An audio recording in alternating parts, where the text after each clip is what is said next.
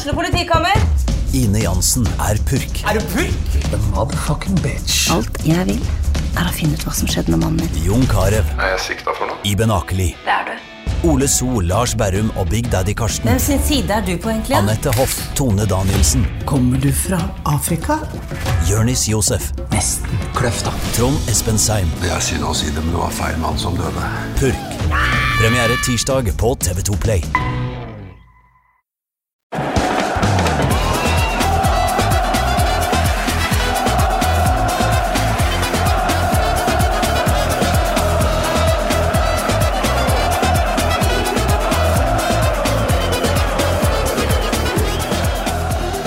Je nu stopt en menu in het uh, Hollandsgewoon kalfsborst, dan denk je bij jezelf, no, kalfsborst, niet waar? Er staat er nog boste de foo. Tja, dan neem je het, hè? Men nok om eh, hvor mye bedre oksebryst låter på fransk enn på nederlandsk. I dag, i Pyro Pivo, med meg, Morten Galaasen, så har vi med oss, for første gang på altfor lenge, Lars Skau. Velkommen tilbake. Takk, takk. Og um, for første gang på um, ikke lenge nok, uh, Trym Hogner, velkommen tilbake. Takk, takk for det. Setter av, setter av en gang i året da jeg skal være med på Pyro Pivo. Ja, og da har vi valgt oss uh, denne. Ja, fordi når lar seg, men da syns jeg det er hyggelig å være med òg. Ja, eh, ikke bare på podkast, for vi sitter jo her uh, fordi vi skal reminisce om en ferietur som vi tre hadde sammen. Det er jo litt sånn um, Kaller man det ferietur? Det var ikke så avslappende. vil jeg si. Nei, altså, ferietur, er ikke det mer sånn Er det ferietur når, når, når kompiser drar på en helgetur og ser fotball? Er det ferietur? Er ikke enhver uh, reise som du har fri, er Som ikke ikke en er ferietur? forretningsreise? Ja. Kanskje. Jeg, Jeg vet jeg har aldri tenkt på Nei, heller, jeg har aldri før- tenkt på det sånn, egentlig. Fritidsreise vil jeg kanskje kalle det, i hvert fall. Ja, ja, det var det jo. Så, men, Men det jeg gleder meg til å bli gammel at jeg skal på helsereiser. Ja. Det, Det er ikke så lenge til for noen av oss. Nei. Det kan kanskje kan ta samme landet, egentlig. Ja. Ja, for uh, lytterne har sikkert skjønt at det er uh, Nederland uh, som vi har vært i, men åssen har du det, Lars? Åssen har det gått siden i jeg tror det er fjor sommer jeg, som var sist du var med? Ja. Nei, uh, hvis du ser bort fra fotballen, så går det greit. Ja, for uh, nye lyttere må jo minnes på at du, uh, du holder med både det ene og det andre. Ja. Eh, Vålinga og San Pauli. Mm. Gikk jo bra med St. Pauli. Altså, St. Pauli var jo best i Europa relativt til sine motstandere i en tomånedersperiode. Ja, de uh, tror de tangerte rekorden i tysk fotball, faktisk. Uh, ti strake seire. Mhm. Og så nå har de to strake tap. Ja, akkurat når det gjaldt, for du, uh, du har jo kommet reiste. Ja. Vi var jo innom eh, en ganske massiv havneby eh, på vår nederlandske tur, men du kommer jo akkurat tilbake eh, Var det i går eller foregårs at du kom tilbake fra en annen eh, havneby? Ja, i går fra Hamburg. Så da var jeg og så derbyet på Folksparkstadion. Mm. På borteseksjonen. I en ellevill eh, 4-3-match. Elleville 4-3-matcher, Trym. Det, det liker vi. Ikke alltid, Morten Gardåsen. Ikke? Ikke alltid. Nei, det er sant. Det, det kan gå begge veier. Det kan faktisk gå Og selv om man vinner 4-3, så kan det gå begge veier. Ja. Men, Men eh, eh, for meg som ikke følger så nøye med på uh, nivå 2 Tyskland, uh, nå rykker HSV opp igjen, eller hvordan er dette her nå? jeg de- tror det.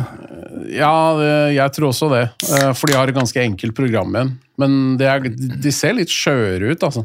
Det gjør de, men de, eh, jeg tror det at de vant den derbykampen på akkurat det tidspunktet, kanskje også akkurat på den måten, jeg tror det på en måte er nok til å lede dem på rett sti de siste er det fem matcher igjen, cirka.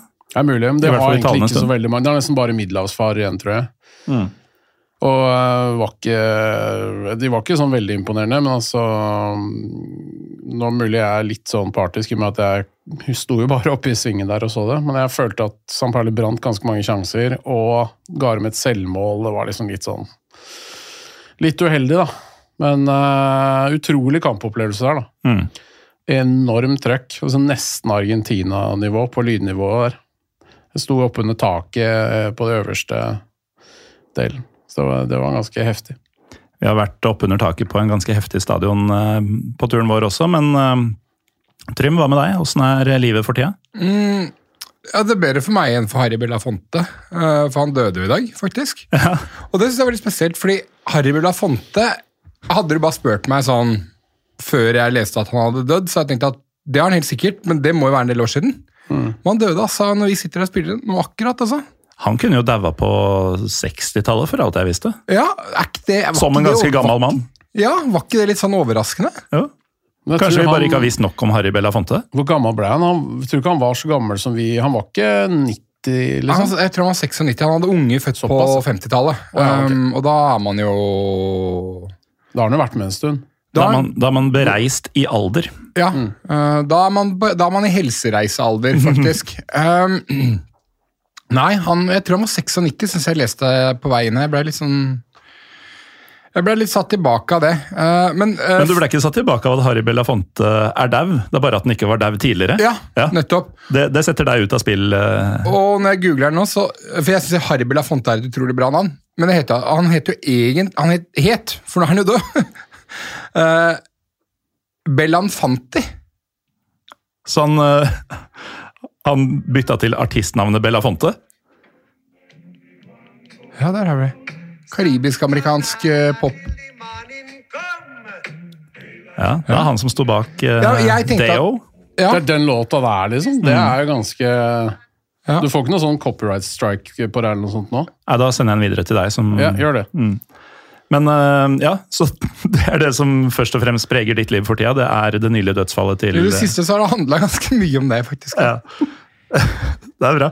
Jeg tror det bare er å gå i gang, jeg, hvis dette er nivået på smalltalken vår. Ja, men, altså, hva, hva skal man si, ja? Det er, det er ikke én eneste en som lytter her som egentlig bryr seg om hvordan det går, liksom. Altså, det er jo ingen. Nei, det er jo ingen ikke. som bryr seg. Nei, jeg syns det er hyggelig å catch up. Ja, gjør du det? Syns du det? Egentlig ikke. Nei, altså, jeg veit da faen. Jeg er det Hadde det vært opp til meg, så hadde jo ikke dette, dette skjedd engang. Altså, Hva da? At denne podkasten fins, og jeg må prate med folk og Nei da, nå tuller jeg fælt. Du er ganske, du er ganske utadvendt, faktisk. da. Er jo egentlig det. Ja, du er det. Ja. og du har vel ikke takka nei til mange opptredener på ulike ting heller? sånn. Nei, jeg, har en, jeg er en ja-mann når Ja. muligheten byr seg, og også når jeg må sette litt ting i bevegelse, faktisk. Hvis du hadde vært en vakker pike, tror du du hadde vært ganske sånn billig liksom, på byen? Jeg hadde vært laus. Ja. Ja. Jeg hadde blitt jeg omtalt som, eh, som ei skjøge. ja. Det har det jo hendt at jeg har blitt faktisk som mann også, men eh, av andre årsaker, tror jeg. Eh, nå må vi i gang. Og eh, vi har jo vært eh, Vi har ikke vært Nederland rundt, men eh, det er jo et veldig rart land på mange måter. Det er lite, men holdt på å si, det meste som er verdt å gjøre og se, er jo konsentrert på en liten del av det i utgangspunktet lille landet. Altså sentral, vest, sør. Et slags triangel der, hvor de aller fleste store byene er, og de største klubbene osv. Så, videre. så har du noen unntak lenger nord, som Groningen og Heerenveen og ja, største klubber og største klubber. Men i hvert fall, vi har vært eh, deler av Nederland rundt. Eh, Vi så fire matcher på tre dager. Og dette, Trym, er ikke en rute som eh, du eller jeg engasjerte oss veldig i å sette opp. Eh, Lars, du var primus motor i månedene før. Eh, planla du denne reisen? Ja, det er jo lett å planlegge i Nederland, egentlig. Eh, de berammer kampene kjempetidlig. De, altså, du begynte vel med dette i eh, må vel ha vært februar-mars, Ja, noe sånt. og da var hele sesongen beramma? Ja. Jeg satt i vinterkulda og var reisesjuk. Og så begynte å se meg ut noe, en eller annen helg hvor jeg kunne ta litt fri. Også, Hvor, så du kunne reise på ferie, som Karlsen kaller det. Ja, ferie, ferietur. ferietur. Og så spurte jeg jo dere idioter om dere ville være med, og dere takka utrolig nok ja. Ja, men Så da- Var det ikke egentlig at du spurte om vi skulle være med på derby eh, Madonina? Altså Var det ikke egentlig Milano-derby vi begynte å chatte om? Jo, det var kanskje det. eh, for jeg har Så på et eller annet tidspunkt så har man jo tatt en slags eh, U-sving. Jeg hadde jo planer om å få med San Siro. Det har jeg jo enda for så vidt. Jeg har jo ikke vært der. Jeg tror med italiensk effektivitet så tror jeg du rekker det. altså. Jeg tror ikke det Nei, Ja, du er i hvert fall ut neste sesong. Ja, minst. Og det å komme seg til Milano er en smal sak. Det å komme seg inn på stadion i Milano tror jeg skal være en smal sak. Så det er jo egentlig bare viljen og veien det står på. Mm. Og dermed så havna vi i Tilburg. Ja, det er nesten det samme. Ehm, Men jo, eh, kampene vi skulle se, Lars. eh, Fin rekke på tre dager, dette her. Ja, altså med minimal reisetid imellom, egentlig. Den aller lengste togturen vi tok eh, internt i Nederland, tror jeg var 1 time og 6 minutter. Ja. Og den var klart lenger enn noen av de andre turene. Og da har man vært i fem byer. Eh, ja, stemmer. Sånn at lytterne Men eh, vi kan jo kronologisk rekkefølge så lytterne veit hva som kommer. Vi, uh, vi starta med en match som faktisk var forbausende vanskelig å få billetter til. Ja, Den øh, klarte vi ikke å ordne sjøl. Nei. Og dette var jo en eh, Hva er det de kaller det? Erste divisie. eh, Ja. Altså andre nivå. Um, Kaller seg også Kauken-kampion, sånt, som betyr kjøkkenmesterskapet. Vet dere hva tredjedivisjon er etter? Um, nei. Toppklasse. Det er ganske fett. Men det er jo amatørligaen. Altså Ja. nivå fire. Mm. Ja, for du har æresdivisjonen, og så er jo erste divisie vil jeg jo tro betyr Første. førstedivisjon. Ja. Og så har du andre, som da er tredje. Ja, eh, tredje nivå, som også vel er amatørnivå, tror jeg. Det er vel bare de Ja, to øverste som er lærte vi jo Ja. Dette lærte vi jo når vi var der. Ja, de ta dratt- det med en gang? For det syns jeg var jævla interessant. Ja, faktisk. De har dratt opp stigen etter seg. ja, ja, virkelig, altså. Det er ikke nedrykk fra, fra andre nivå hvis ikke noen melder seg om at de vil rykke opp. Eh, og så må de gå gjennom en sånn svær lisenssøknad, var det ikke sånn? Jo, stemmer. Eh, og du må jo da søke Du kan ikke bare søke før sesongen, fordi dette Jeg tror du må søke underveis i en periode hvor du ligger an til at dette kan skje. Um, Paul Thomas Clay var jo her eh, tidligere i vinter og prata faktisk litt om det. Jeg skal finne episodenummeret nå. 255 fra 13. januar. Eh, det var første gang jeg hørte om dette her. Ja. Nemlig at du Det er ikke noe opprykk-nedrykk fra andre nivå til tredje, med mindre man søker og faktisk vinner eh, tredjenivådivisjonen, hva nå enn den kalles. Et sted mellom eldstedivisie og toppklasse, tydeligvis. Um, så med mindre denne søknaden har kommet inn i f.eks. februar, da, så kan alle laga i eldstedivisie slappe helt av. Det verste som kan skje, er at du ikke rykker opp til æresdivisjonen. Men der er også skille mellom eh, litt sånn semipro og proffotball. Så det er sannsynligvis ganske strenge lisenskrav. Mm. Men jeg syns det høres egentlig ganske fornuftig ut, jeg. Fordi at eh, da slipper du en del av den problematikken med sånn klubber som på en måte rykker opp for tidlig i anførselstegn og brekker ryggen økonomisk. Mm. Klubber tar ikke så stor økonomisk risiko for å holde plassen osv. Altså, du, kan, du kan jobbe mer langsiktig da, hvis du er på andre nivå. Ja, det å etablere seg som en talentfabrikk f.eks. vil jo være mye enklere. Hvis, eh, hvis det ikke er en bunnløs grunn under deg, hvis du skal ha, ha et uår eller to. da. Ja. Men uh, uansett, tilbake til uh, spørsmålet. Første matchen som vi ikke klarte å få billetter til uh, sjøl, var da på neste øverste nivå, og gikk mellom Nack Breda og Den Boss, har jeg lært at det skal sies. Ja, eller var det, var det Den Bosk? Det var i hvert fall ikke Den Bosch, som vi trodde, Trym. Nei, jeg hadde ingen tanker om det i det hele tatt. Jeg tenker at, en, at det er en hvitevareprodusent. Ja, Ja. det kan jo godt være de er. Eh, De fleste byer i Nederland eh, er jo firmabyer, holdt jeg på å si. Ja. I hvert fall én annen.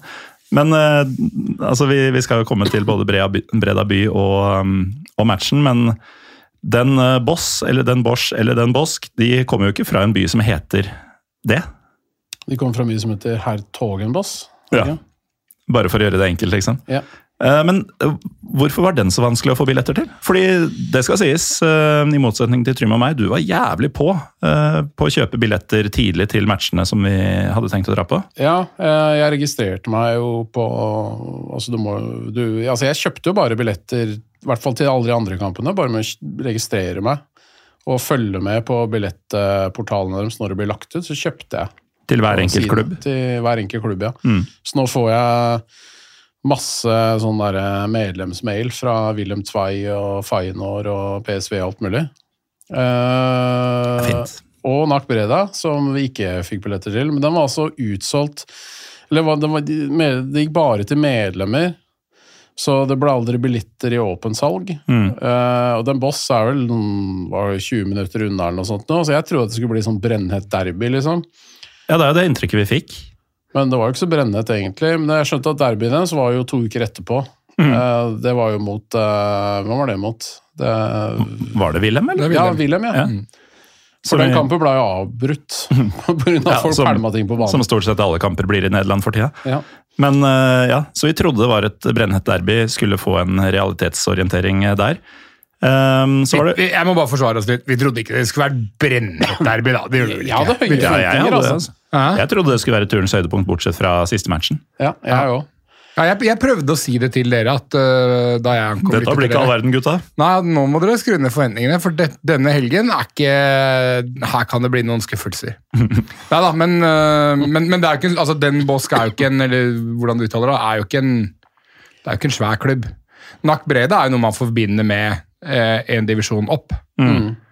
Eh, og hadde jo det til felles med alle de andre Altså de fire hjemmedagene vi så på disse tre dagene. Alle har vunnet eh, eneste divis... vi- vi- Altså, Ja. ikke toppklassen, men, men øverste liga. Ja. Eh, nederlandsk eliteserie. Så det er jo en klubb med eh, veldig Meritter. stolte Ja, meritter og stolte tradisjoner. Men jeg trodde også at en boss kjempa mot nedrykk, helt til jeg lærte om det med det ligasystemet. Jeg skjønte at de hadde ikke en dritt. Det var derfor de var så jævlig late, liksom. Ja. De var jo ferdig med sesongen for fire måneder siden. ikke sant? Ja. Men eh, nå er vi tydeligvis i gang med, med Breda likevel. Jeg har kjørt tog til Breda. ja, så vi kan jo si det at eh, du og jeg, Lars, vi hadde jo en liten eh, oppvarmingskveld i Amsterdam. Spiste veldig dyr tyrkisk mat og um, Det var usaklig dyr, faktisk. Ja, merkelige greier. Så 300 kroner, liksom, for grillspyd og noe, Mm. noe ris. Ja, og det var, det, det var godt, men det var ikke 300 kroners uh, godt. Nei. Men uh, i tillegg så, tradisjonen tro for deg, da, så fant jo du noen brewpubs, eh, så vi kunne prøve ut litt kompliserte øl, og koste oss uh, fint. Vi, Trym var jo litt redd, han skulle komme dagen etter. Uh, vi snakker nå, vi, Det er skjærtorsdag at vi dukka opp. Trym skulle komme på langfredag. Eh, og Trym hadde jo da ytra bekymring for at vi skulle ha masse intern humor og um, erfaringer og sånn som han ikke skulle være en del av resten av turen. Jeg er veldig redd for å oppleve utenforskap. Ja. For mye sosial angst tidlig. Forskuttere sosial angst. Ja, og vi opplevde Tenk hvis jeg ikke blir akseptert i Nederland-gruppa. ja. av disse to. Men vi, eh, vi opplevde jo ikke en jævla dritt annet enn at vi spiste og drakk litt. Eh, Så vi eh, begynte jo å koke opp sånn fiktiv karakter som vi skulle fortelle Trym at vi hadde møtt. Ja. Og han, han, skulle bare, ja, Geert. Han skulle bare dukke opp i forskjellige greier, og så skulle vi drive og le oss i hjel og ikke klare å fullføre historien og sånn. Men det ble ikke noe av det, så det slapp du, Trym. Ja, ok, ja, for jeg Ja, ok, nå trodde jeg dere faktisk hadde fortalt meg om han, at jeg bare ikke hadde fulgt med. Neida. For det kunne ha skjedd. Neida. Så um, Jeg tror vi nevnte det et par ganger, men det var ikke noen respons, og så bare glemte vi det. ja, vi, vi- bygde jo ikke opp på den måten som, er person. som vi trodde det skulle være gøy. Altså, han fins jo, men vi har ikke møtt den. Nei, det, han finnes definitivt. Men i hvert fall, vi møter jo da Trym Hogner eh, som kommer med morgenflyet til eh, Amsterdam. Eh, Du rekker en kaffe og en tur innom Copa-butikken, eh, Trym, som jo Det siste var jo det viktigste for deg denne helga. Ja. Um, Hva er Copa-butikken? Kåpa, altså Kåpa er egentlig Det er et nederlandsk uh, fotballklesmerke som lager mye sånn retrodrakter og sånt nå.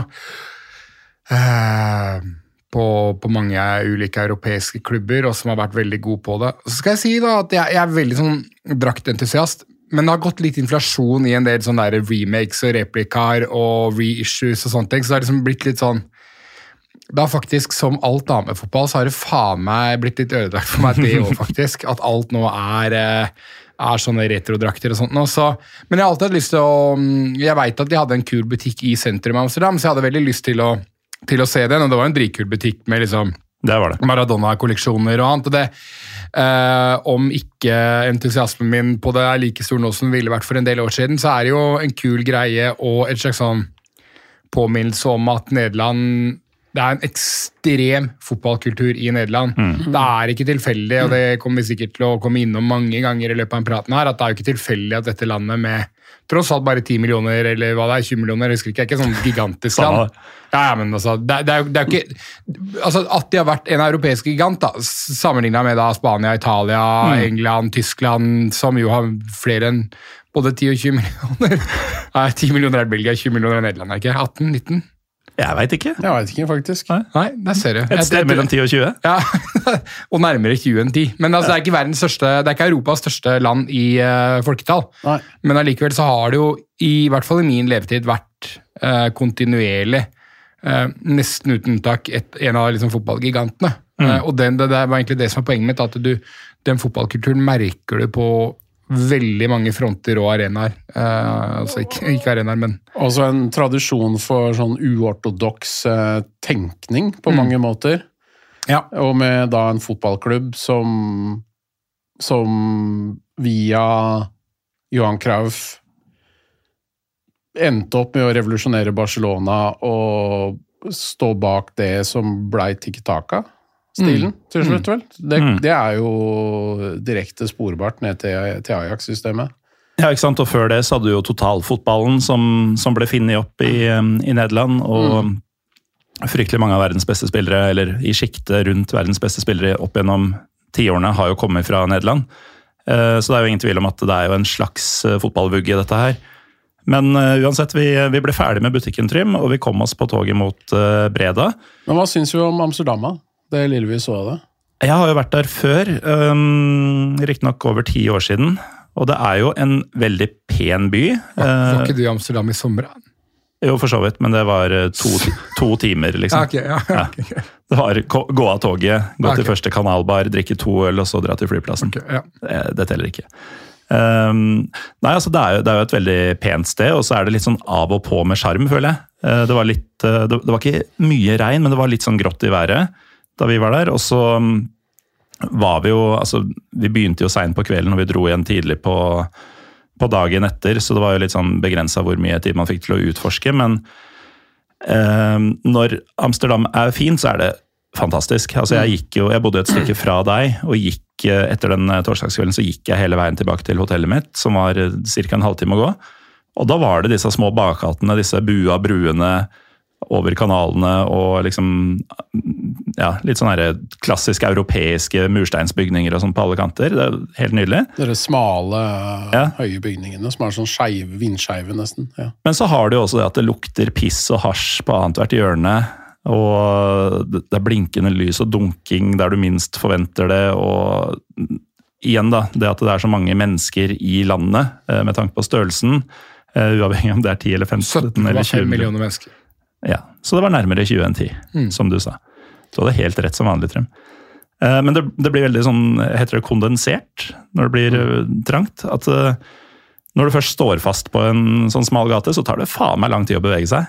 Mm. Og mm, ja, Så det det er litt sånn opp og ned for meg, egentlig. Hva, hva tenker du? Nei, altså jeg ser, også, jeg ser liksom at det er en jævlig pen by, som sikkert var kjempesjarmerende også før. Jeg syns ikke det er så sjarmerende. Altså, når du har liksom drita briter overalt, og disse her eh, hasjturistene som Altså, jeg syns det lukter dritt, da. Av cannabis. Jeg er veldig for liksom, i hvert fall avkriminalisering og alt det greiene der, sånn, men det lukter jævlig dritt. Også når Ja, for det, det er jo ikke alt man altså, Det er jo ikke alt man tenker at skal avkriminaliseres som man allikevel ønsker å ha i fanget. ikke sant? Nettopp. Jeg vil jo gjerne at hvem som helst skal få lov til å ligge med hvem som helst, men ikke nødvendigvis i fanget mitt. Ikke nødvendigvis mens jeg sitter og drikker kaffe på ikke sant?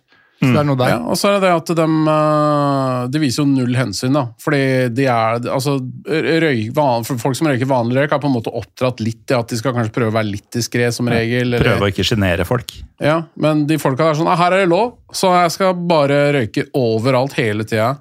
Så det er den derre lukta overalt, liksom. Det er irriterende, da. Ja, så er det jo ikke bare det at uh, man kanskje ikke liker lukta, men den setter seg jo i tøy og sånn. Eh, så du får på en måte Du blir jo assosiert med det, selv om du ikke har vært uh, involvert i det i det hele tatt. Mm. Som også kan ha ganske uheldige konsekvenser i en del settinger.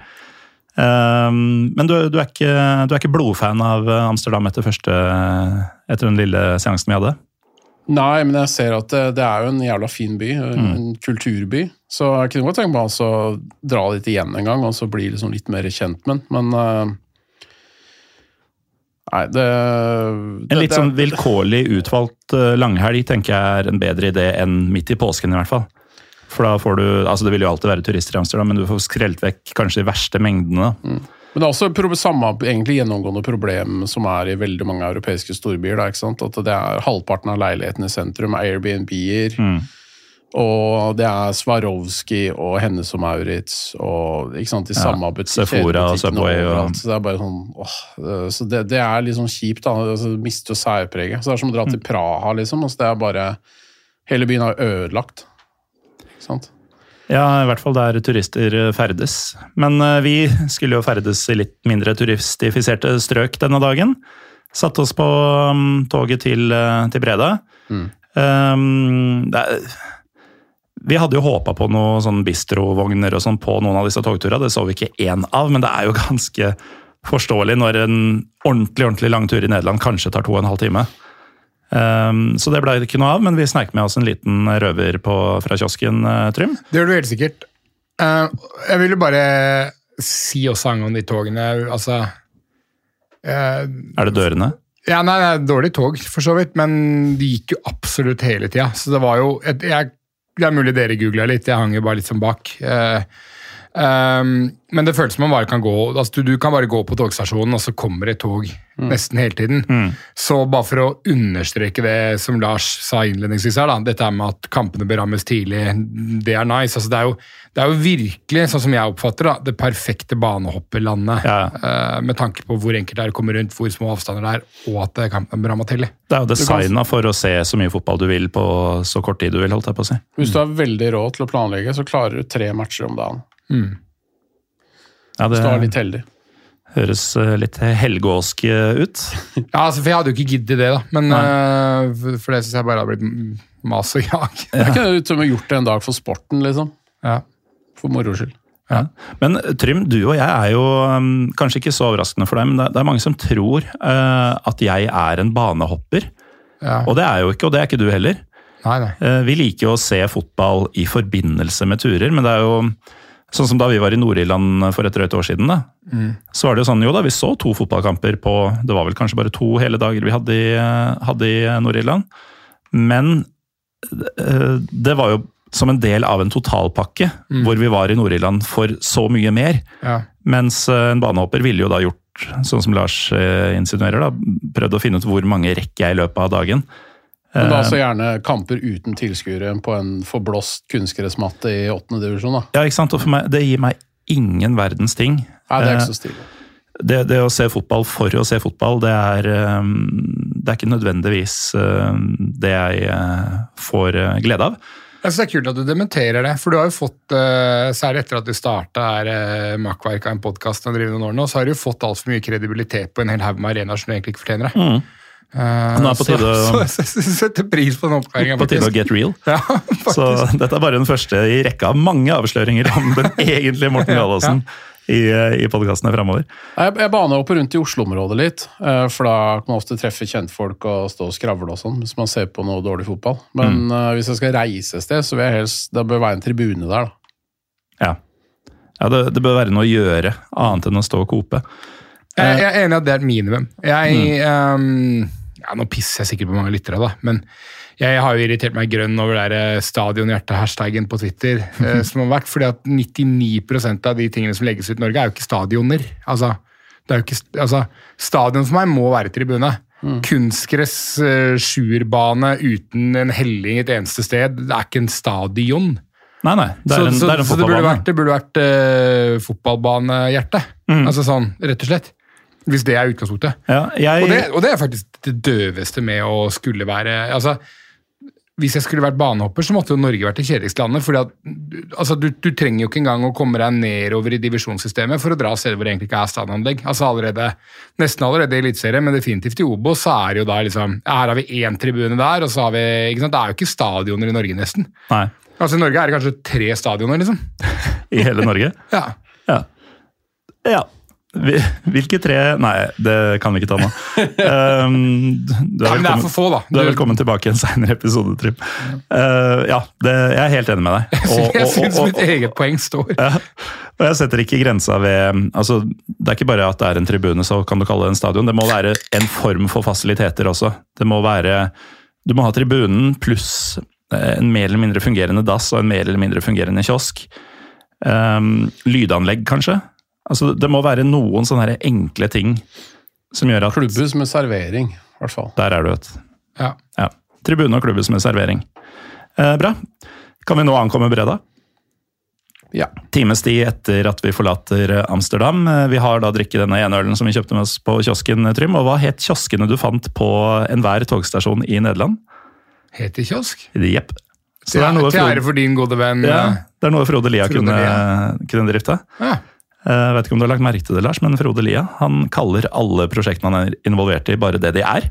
Ja, det Um, kan stemme. Fotball-TV-kanalen hans heter Fotball-TV. Mm. Eh, kiosken som han er eh, investor i, heter Kiosk, faktisk. Jeg tror ikke den er beslekta med den nederlandske kjeden på togstasjonene.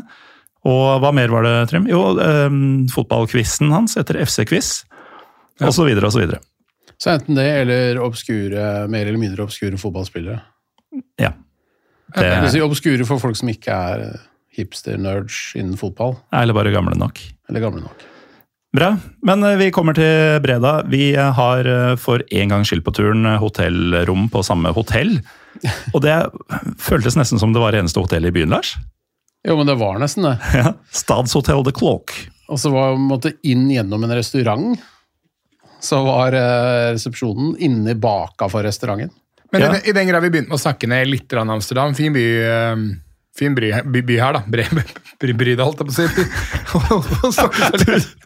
Du har drukket to slurker av din første ja, men jeg har en shot her òg, da. Ja, det er sant.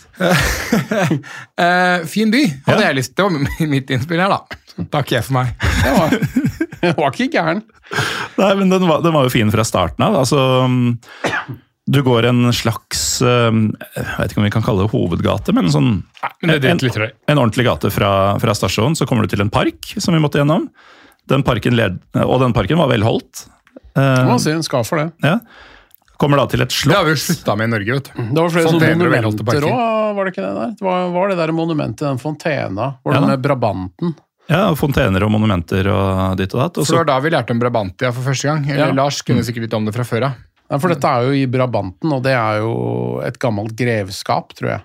For det er jo noe forvirrende over hva som er Nederland, og hva som er Holland, og hva som er Friesland, og hva som er Surinam. Og det er jo mye varianter. hva som er- Surinam er vanskelig.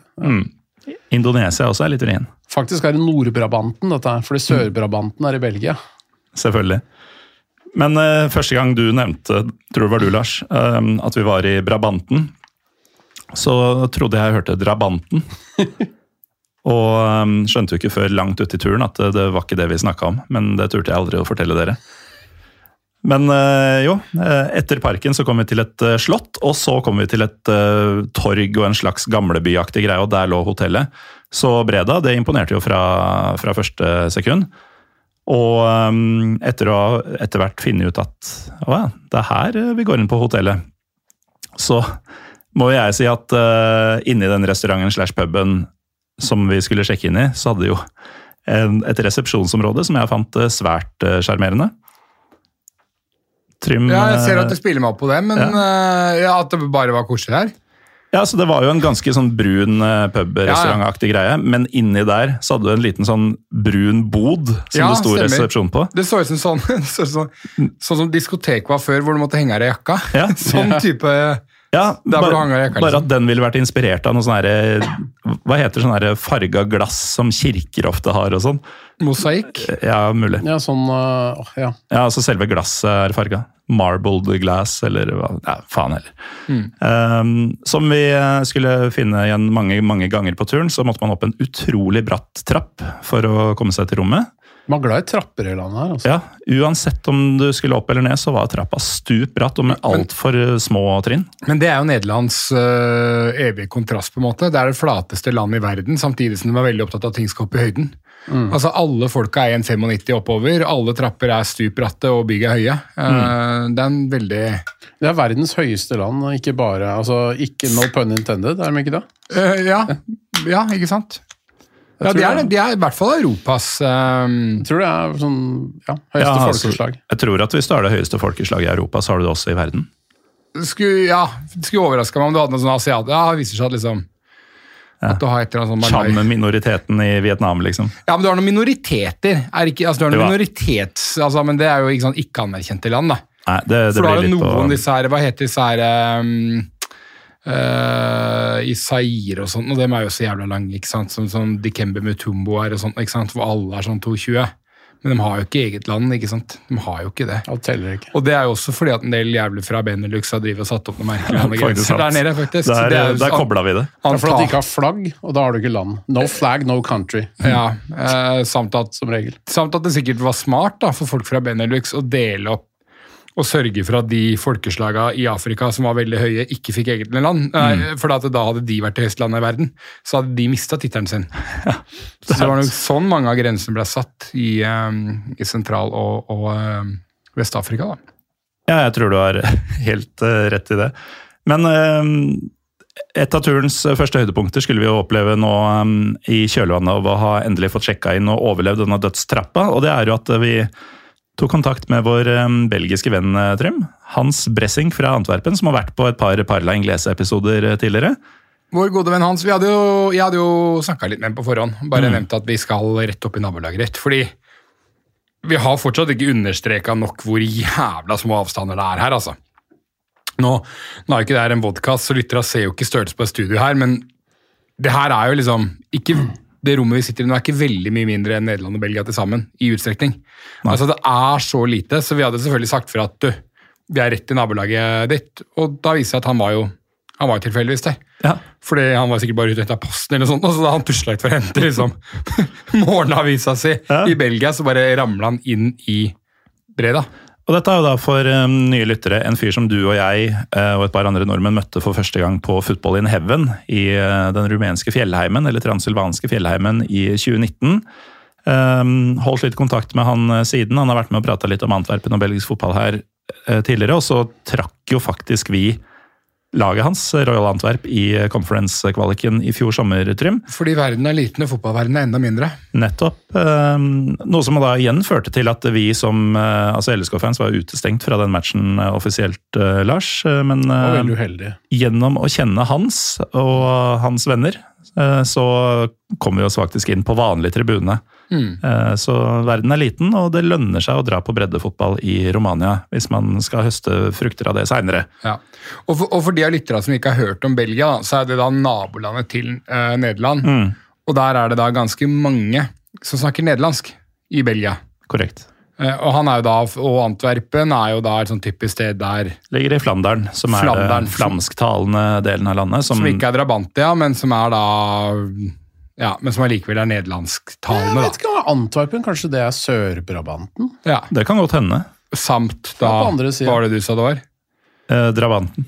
Ja, men, men og Flandern. Flanderne. Ja, ikke sant? Så da er det Ting går jo i hverandre. Jeg vet ikke om vi skal messe så veldig mye om den der lille byen som vi vurderte å dra til, Bale Nassau, som vi dessverre ikke kom oss til. Ja, Som bare heter det på, øh, på den enten nederlandske eller belgiske siden, mens den andre Ja. heter øh, Barle Wittau Nei, Hvor landegrensene er tomtelinjer, og Ja. folk har døra i Nederland og, Ja, og og bakgården i Belgia, altså. kjøkken. mange titalls enklaver, Mm. Ja. Faktisk. Ja, for det er ikke sånn at det er noen gater som er grensa. Det er sånn lappeteppe småby. Men øh, dit Og dro derfor så var Hans fra eh, Antwerpen i uh, Ja. Breda. Så han dro oss til en pub hvor uh, det var en beinløs bartender som uh, var uh, like glad i livet for det, Lars. Han het Kinky et eller annet. Ja, det var, var noe sånt. Kinky Kos. Kinky Kos. Ja, Han het Kos eh, til eh, Jeg tror det var etternavn, men det kan ha vært fornavn. Eh, Og hadde da fått en øl oppkalt etter seg av et bryggeri Ja. eh, som het Kinky Kos. Og da var det bilde av en fyr i rullestol, fordi denne Kos Han hadde ganske nylig, altså bare et par år tilbake, tror jeg, eh, mista beinet i en ulykke. Og det sa han bare i sånn bisetning, mens han uh, Det var funny historie. serverte Ja, ja, han koste seg liksom med det. Ja, se, den ølen her er jo, er jo min. Det var liksom ikke punchlinen i historien engang. Nei, That's when I lost my leg. Det var triviell greie. Ja, Sånt det, skjer. det, det er sånt som skjer. Men var det ikke også en punchline der at det var et eller annet med at bryggeriet hadde gjort noe sånn, og så visste de ikke at han hadde mista beinet? Nå, nå er jeg svar skyldig. Det var et eller annet sånn, det var en, et sånn ekstra lag med sånn twist Mm. på den historien. Han hadde i hvert fall mista beinet og blitt ødelagt for livet, og det var rasende festlig. da. Så Og det hadde resultert i en ganske god eh, øl, faktisk. Den var ganske god, den. Den syntes jo til og med du var ganske god, Trym. det sa jeg helt sikkert. Og det mm, er jo noe med at øh, Det skal Lars få lett å prate litt om, men de er jo ganske glad i øl også. Mm. Mm. Ja, nederlenderne. Ja. Ja. Europeerne. Europeere liker øl. Europeere gjør det. Og mye av tida fram til kampen, Lars, det gikk jo på å um, drikke øl. Men vi var ikke helt ferdig med belgiske influenser ennå. Fordi um, belgiske Hans og hans belgiske venn de uh, pekte oss i retning av en belgisk bistro. Ja, Og det, um, Ja, jeg hadde jo mast om at jeg hadde lyst til å spise på belgisk restaurant for å få min dose med storflis. Ja. Som du har vært og prata om på podkasten før. Ja. Men igjen, vi må friske opp minnet til folk. Det er oksegryte i ølsaus. Mm. Og jeg elsker det jo, men eh, nå fikk jeg prakka det på dere, da. Var det verdt det? Ja, altså, jeg syns det var godt, det. Ehm, det er jo en type rett som man vanskelig kan ødelegge. Husker ikke helt hva, hva vi sa, Trym, men det, det var ikke helt som jeg trodde det skulle være. Det var liksom en litt annen krydring, eh, litt sånn søtlig krydring. Det er sikkert av øltypen man har brukt. Mulig. Men det er også sånn at ingen har samme, helt samme oppskrift. Nei. Men eh, det var jo, det var jo belgisk husmannskost, eh, rett og slett. Og Ja, nei, jeg synes det var helt nydelig. Ja. Kjempedigg. Men det er som du sier, det er sånn type rett som er vanskelig å, å kødde til sånn veldig. da. Mm. Um, men så er det, det, det er sånn fin pubmat, og så er det eh, eh, man, man, det, man, man, man forbinder jo mat der nede veldig bare med sånn disse forskjellige vaflene og sånt nå. Og, og vafler er jo skal man jo selvfølgelig snakke litt om. Men bare for å understreke det poenget igjen, da, altså da, hvis man prøver å oppsummere der, da, så er det da en uh, nederlandsktalende belgier som har reist til Nederland og anbefaler at vi spiser belgisk mat korrekt. i den nederlandske byen. Ja. Ja. Det, jeg, jeg skjønner jo det. For Du spiste jo nederlandsk mat. Du spiste bitterballen. ja. For det er en annen variant som vi også spiste. Det er jo sånne frityrstekte kuler.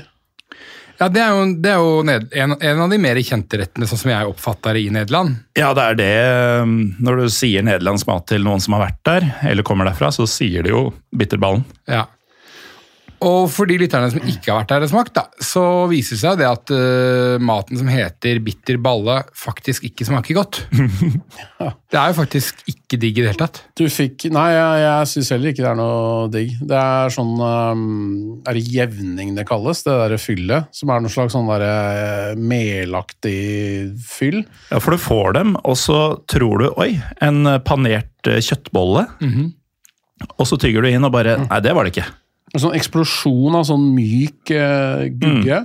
Ja, Og så fyller det med noe med kjøtt, og du fikk jo med brun saus-snerk. mm, den var sterk. Er En Frityrstekt bitter balle med brun saus-snerk og jevning. Og det er, altså ikke så godt som det høres ut. Um, nei, og den andre, tror jeg, den kjøttvarianten, det var hundemat eh, fra boks som man frityrstekte inn i en ball.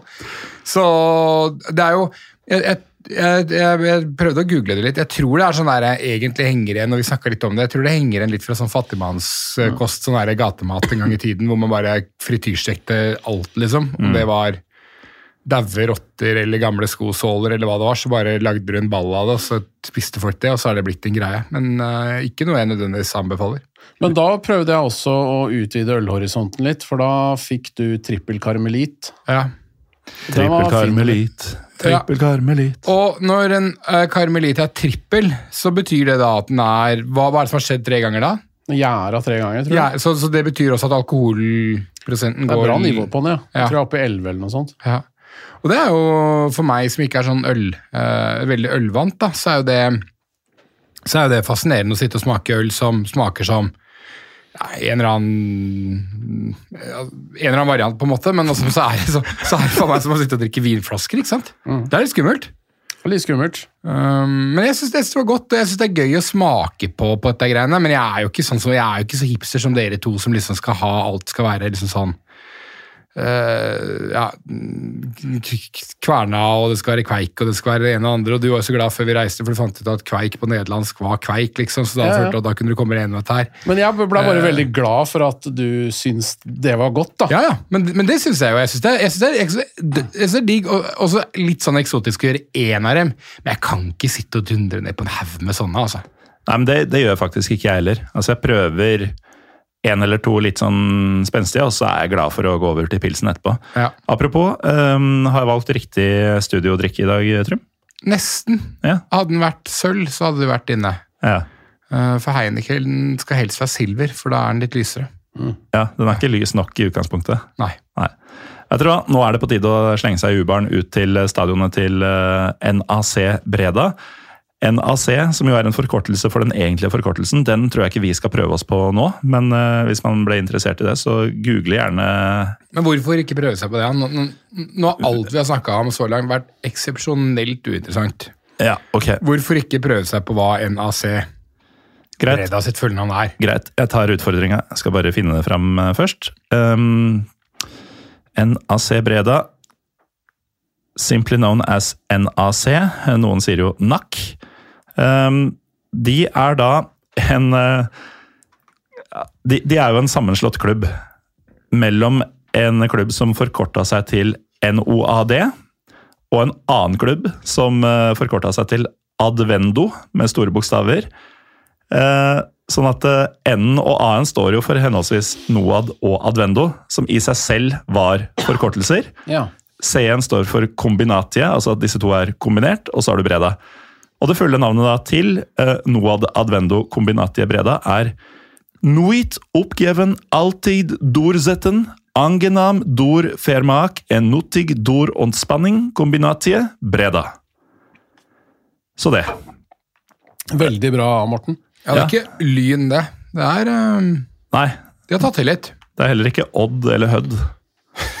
Ok. Um, men ja, de, de har tatt til litt. Um, de har vunnet cupen i 1973, uh, The National Title i 1921, og det er uh, titlene tilsynelatende. Uh, vi har jo vært innom det tidligere. Vi trodde jo at dette eh, to oss trodde at dette var en høyoktans derbykamp mot den, den Bosch.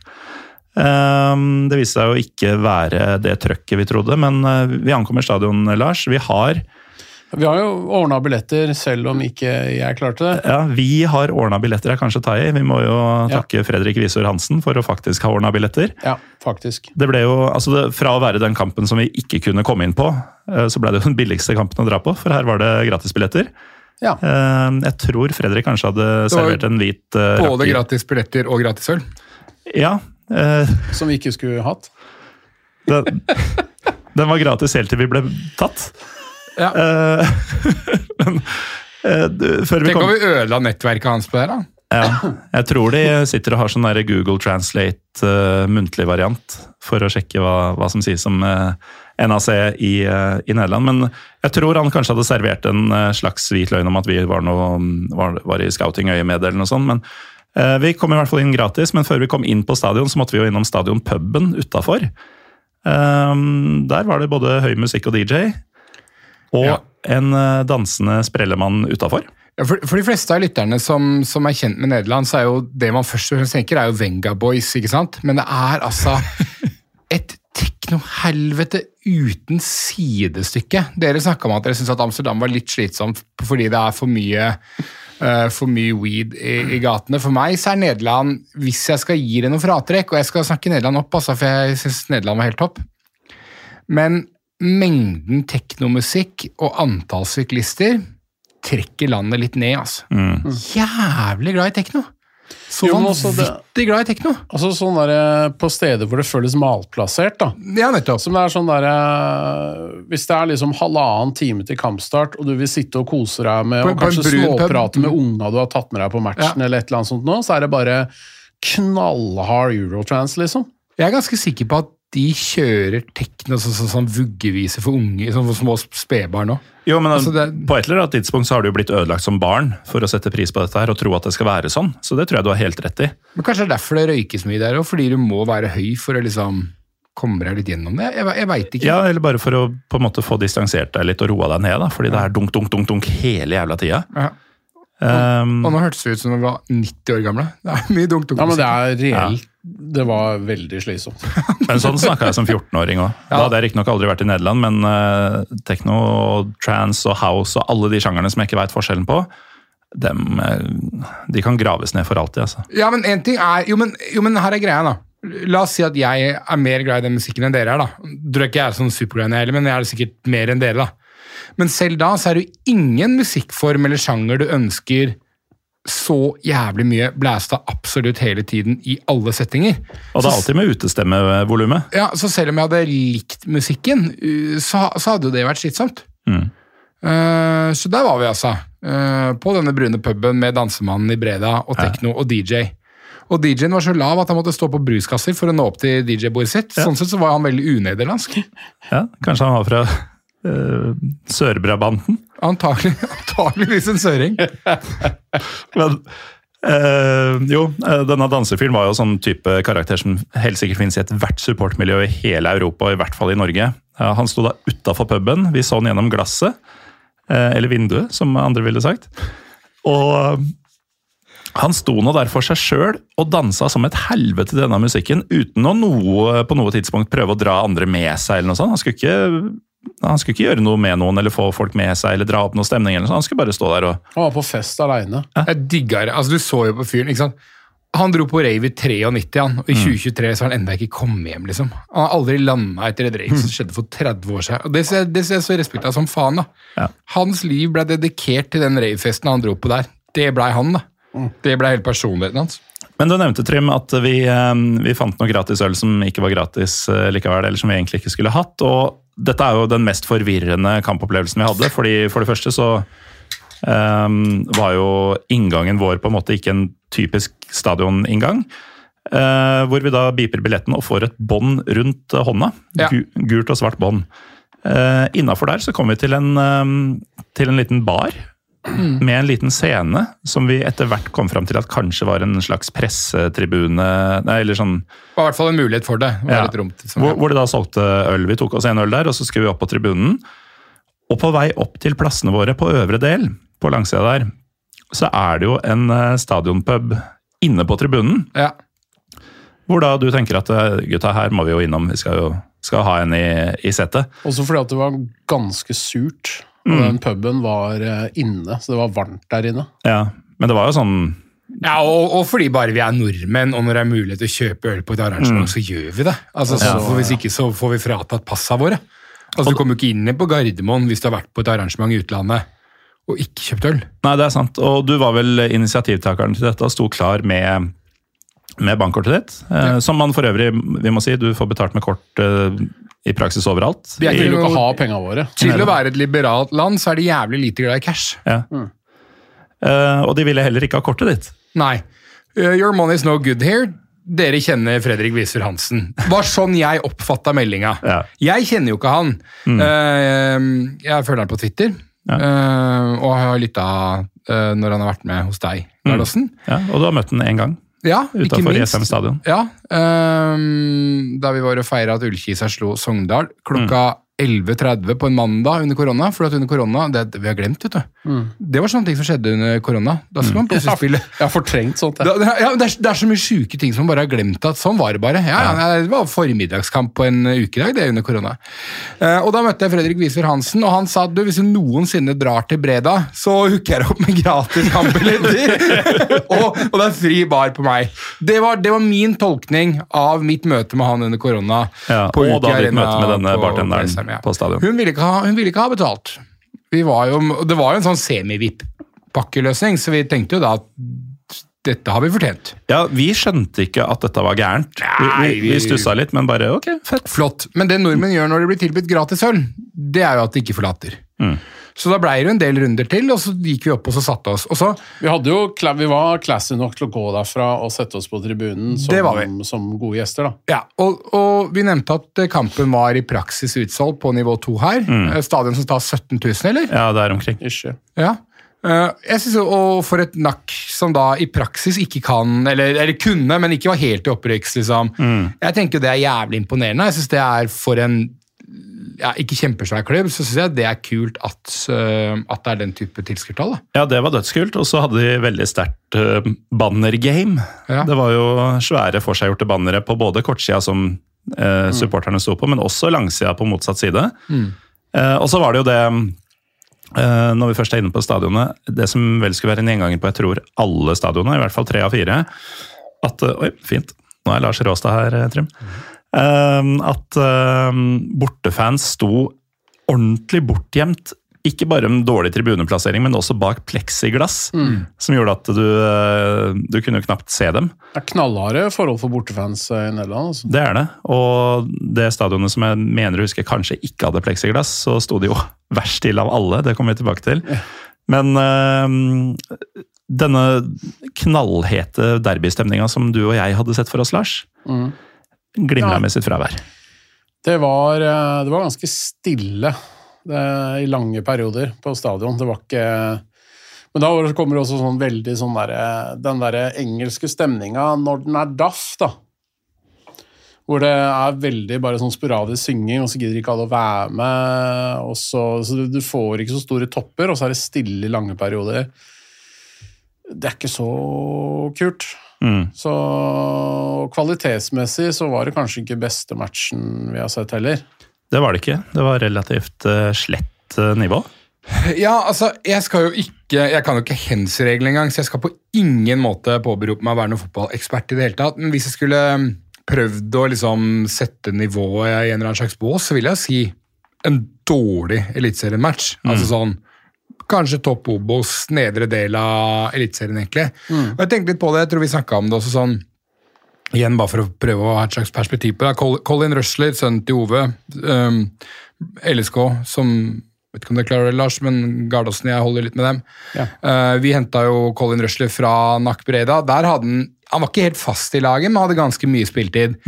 Og, og ble jo ganske raskt et godt stykke unna god nok for LSK. ikke sant? Altså sånn Han spilte i fjor, gjorde han ikke det? jo, men han spilte jo ikke veldig mye, og man lot den gå gratis. Sånn liksom, ja. Ja. Og Colin Rusher, bra, bra ok, talentfull spiller og kan, kan få en ålreit karriere. Han altså, snakker ikke han ned, men, men, øh, men igjen, der hadde han fått en del spilletid, og, og nivåmessig ja, kanskje, kanskje, kanskje nesten litt dårligere enn jeg hadde trodd. Ja, helt enig.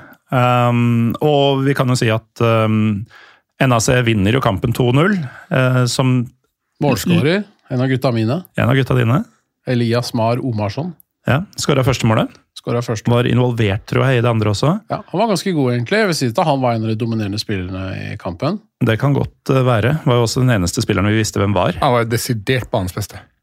Ja. Ja. Eh, Men eh, det satte jo heller ikke ordentlig fyr eh, i teltet. Så Trym, vi eh, bestemte oss for at vi går ned i den puben og henter en gratis øl til. Da fikk vi refs. Nei da, ikke i det hele tatt. vi, det, Altså, det var jo ikke refs. Hun Nei, var og dessuten så det, det var nok liksom enda en runde etter der. At det til slutt liksom kom en litt sånn hyggelig dame i sånn dress og så sånn Veldig kort. Ja. Hun kunne vært DJ-en på puben vi prata om. Ja, um, Så snakka hun til oss på sånn uh, Brabantisk. Brabantisk. Ja. Uh, og Og den, da var hun litt morsk. den dialekten takker vi helt. Når vi svarte sånn på engelsk 'sorry, vi skjønner ikke' Da switcha det helt om, for da skjønte hun at her har vi noe med noen som bare har gått feil. Ja, nå er det Visur som har sendt noen Norberger igjen, ikke sant? Det skjønte han med en gang. Nå, altså. nå sitter han nede i Bosnia og sender noen skandinaver hit nok en gang. Uh, og da, da var jo det bare all smiles, men det viste seg at uh, denne gratis ølbuffeen var jo ikke gratis for oss i det hele tatt. Nei, vi skulle Eh, ikke vært der, vi. Nei, vi var ikke velkommen der i det hele tatt. For vi hadde, vi hadde, vi hadde gule bånd. ja. Ehm, De skulle være grønne, tror jeg. ja, fuck knows, men uh, så da fikk vi ikke noe flere gratis øl. Ehm, Men vi slapp å betale Ja, for vi spurte litt så høflig Oi, shit, vi, dette Vi trodde Visur visste hva han dreiv med, så, men greit, da får vi ta den, og så sender vi regninga ned til han nede i Mostar, eller hvor han sitter. Uh, null stress, det. Eh, men da var de veldig kule på at nei, nei, det, dritt i det, liksom. Og smil og kos. Det var ikke noe, det var ikke noe problem. Nei, og så um, må vi jo da finne alternativ kilde til vår neste øl når disse går tom. Og da var det jo inn på Ja, For en uten hørs helt sånn der ølhunder ut, da. Det, det forteller også kanskje noe om nivå på Altså, Man måtte ha noen øl for å komme seg inn den andre gangen. Måtte jo det. Ja. Og um, da var det jo um, under For vi var på langsida her. Um, og nærmere midten av langsida så var det da um, noen korridorer, fordi jeg tror jeg skulle på dass, og da skulle jeg kjøpe meg øl samtidig. Og da Førstemann kommer til som ligner dass og sånn, er jo på vei inn mot et VIP-område. Så jeg tenker at før Altså Før de sjekker eh, om du skal være der, og sånn, så er den dassen. Så jeg tenkte bare ok, det er dassen. Eh, Da ble jeg stoppa av en litt høyere, mer mannete fyr i dress med sånn eh, NAC Breda-pinn, som peker på um, båndet mitt og sier nei, nei, du skal ha rød. Så dette var en tredje variant, da, som var den ordentlige VIP-varianten. Så det vi hadde, var egentlig toppklasse-VIP. Ja. Ja. Eh, Og de som hadde grønn, som hadde tilgang til den baren som vi hadde forsynt oss av tidligere, de var da eh, De kunne ikke rykke ned. Erste VIP, de kunne ikke rykke ned. Og de med rød, eh, som vi ikke var i nærheten av, de hadde da tilgang til både den dassen og til eh, VIP-fasilitetene. Men da gikk jeg da jævlig langt i disse korridorene. Antagelig i retning, altså, eller helt sikkert i retning, men antagelig ganske nærme eh, bortefansen, som var i motsatt eh, eh, sving. Og fant jo en dass, og ved siden av den dassen så var det Det var ikke en kiosk.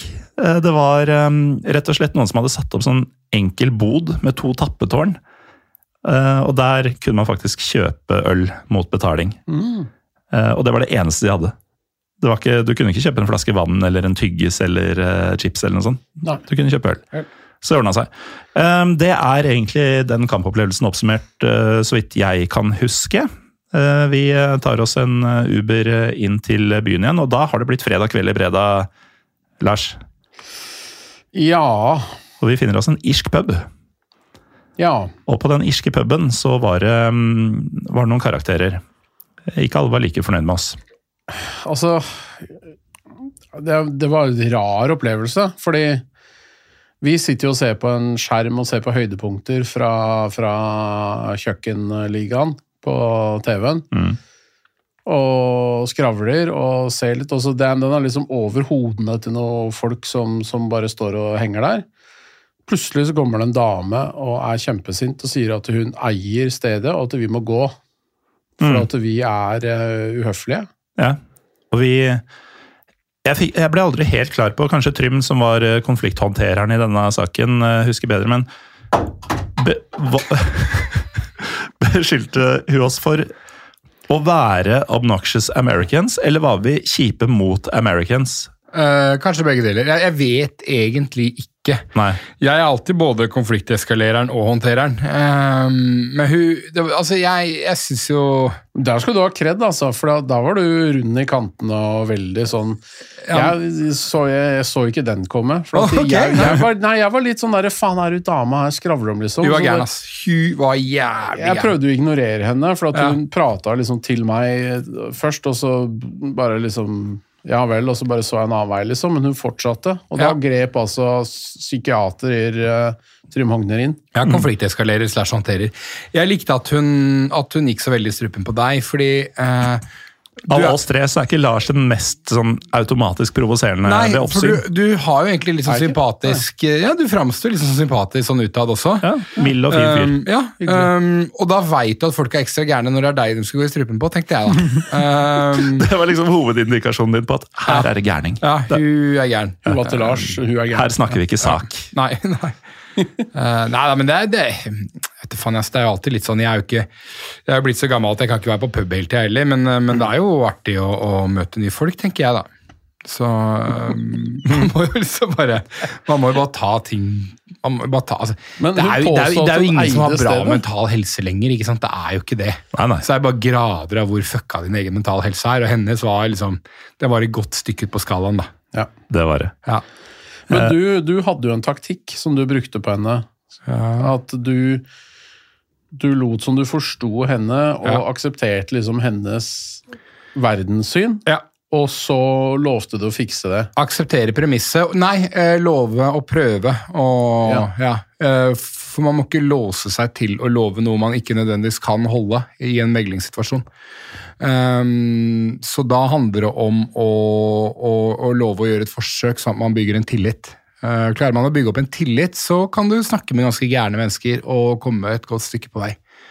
Ehm, For hun var batshit crazy, liksom. Ehm, så det, det løste seg jo, det. For jeg drev og fulgte med med et halvt øye, for at hun, hun kjente jo også personalet. Så det jeg Ja, var litt redd for Slash de kjente henne, eller Ja, ja jeg tror det var mer det. Fordi det. eh, når du sier, Lars, at eh, hun sa hun eide stedet, det hun sa var vel 'this is my bar', eller noe sånt. Ja, Og det kan jo like gjerne bety 'dette er stamstedet mitt'. Ja, ok. Hvem ja. faen er du til å komme og forpurre stemninga? Lars Skau? Men jeg var liksom litt redd for at hun plutselig skulle finne på å for eksempel søle ut en øl på en av oss og skylde på den andre og få personalet til å pælme oss ut, eller et eller annet sånt piss. da. Mm. Ja, hun var nok uh, Så jeg fulgte liksom med Ja. litt sånn på hendene hennes sånn. Hun var nok kapabel til mye, men... Hun var nok predisponert for litt uh, skøyestreker, ja. men vi, vi kom oss jo derfra tørre og fine uh, av fri vilje. Eh, Lars, du bestemte deg for å I hvert fall inntil videre. Ja. Men du bestemte deg for å ta kvelden litt seinere? Ja, etter at jeg ble ikke var tørr lenger. Ja, det er sant. Det blei litt Han blei dynka, han fikk Ja, en ja. Ja, ja, for du ble med på én pub til. Jeg ble med, Du ble Ja. overtalt til å ta en øl til, og da fikk jeg øl sølt over hele meg. Og så gikk Ja. jeg og la meg. Den norske det, det norske pyramidespillet én øl til. Det er liksom Det er faen meg Det er faen meg Det er vår, det er vår sånn Nigeria-svindel, ass. Én øl til. Neste- Vi veit vi ljuger for hverandre, liksom. Neste kveld så um, skulle jo du og jeg um, ut og ta én øl. Og da hadde vi til og med aksent over én, sånn at det skulle være tallordet én. Um, det, det skulle faktisk bli ganske nære sannheten, men det var ikke av uh, våre fri, egenvalgte årsaker. Men uh, uansett, vi, vi avslutter bredet med at du går og legger deg, Lars. Vi la oss ikke så veldig mye seinere, Trym. Det var det ikke noe Den siste puben vi var på, så var det noen som ville ta bilde med deg. Du ble kjendis, du. det var der, det! Ja, var det ikke det? Jo, jo. Jeg var um, til forveksling lik Tyson Fury, var det ikke det som skjedde? Ja, Jeg tror det var bare at du var freaky høy. Jeg. Ja. Jeg trodde det var folk som hadde sett på Mitropa på fotball-TV i Nederland, jeg, siden den har så innmari voldsom uh... Range. Ja. Ja. Eller var det det at man trodde at han, han, han Tate, han som havna i fengsel? at Nei, nå får du faen meg i det. fengsel ja, havna, det var det. havna i Breda?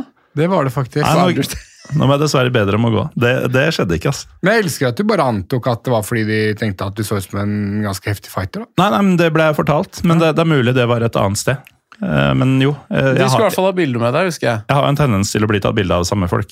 Ja, Eh, men vanligvis så er jo det da i land der folk, folk er liksom i, I Nederland er du bare Altså, i Nederland er du 1,80, da. Bare Hvis jeg skal liksom- handle klær til overkroppen i Nederland, hvis jeg skulle kjøpt en fotballdrakt for eksempel, så hadde jeg kjøpt medium eller large. Mm. Fordi der er XL eh, en kjole. Ja, det er, ja.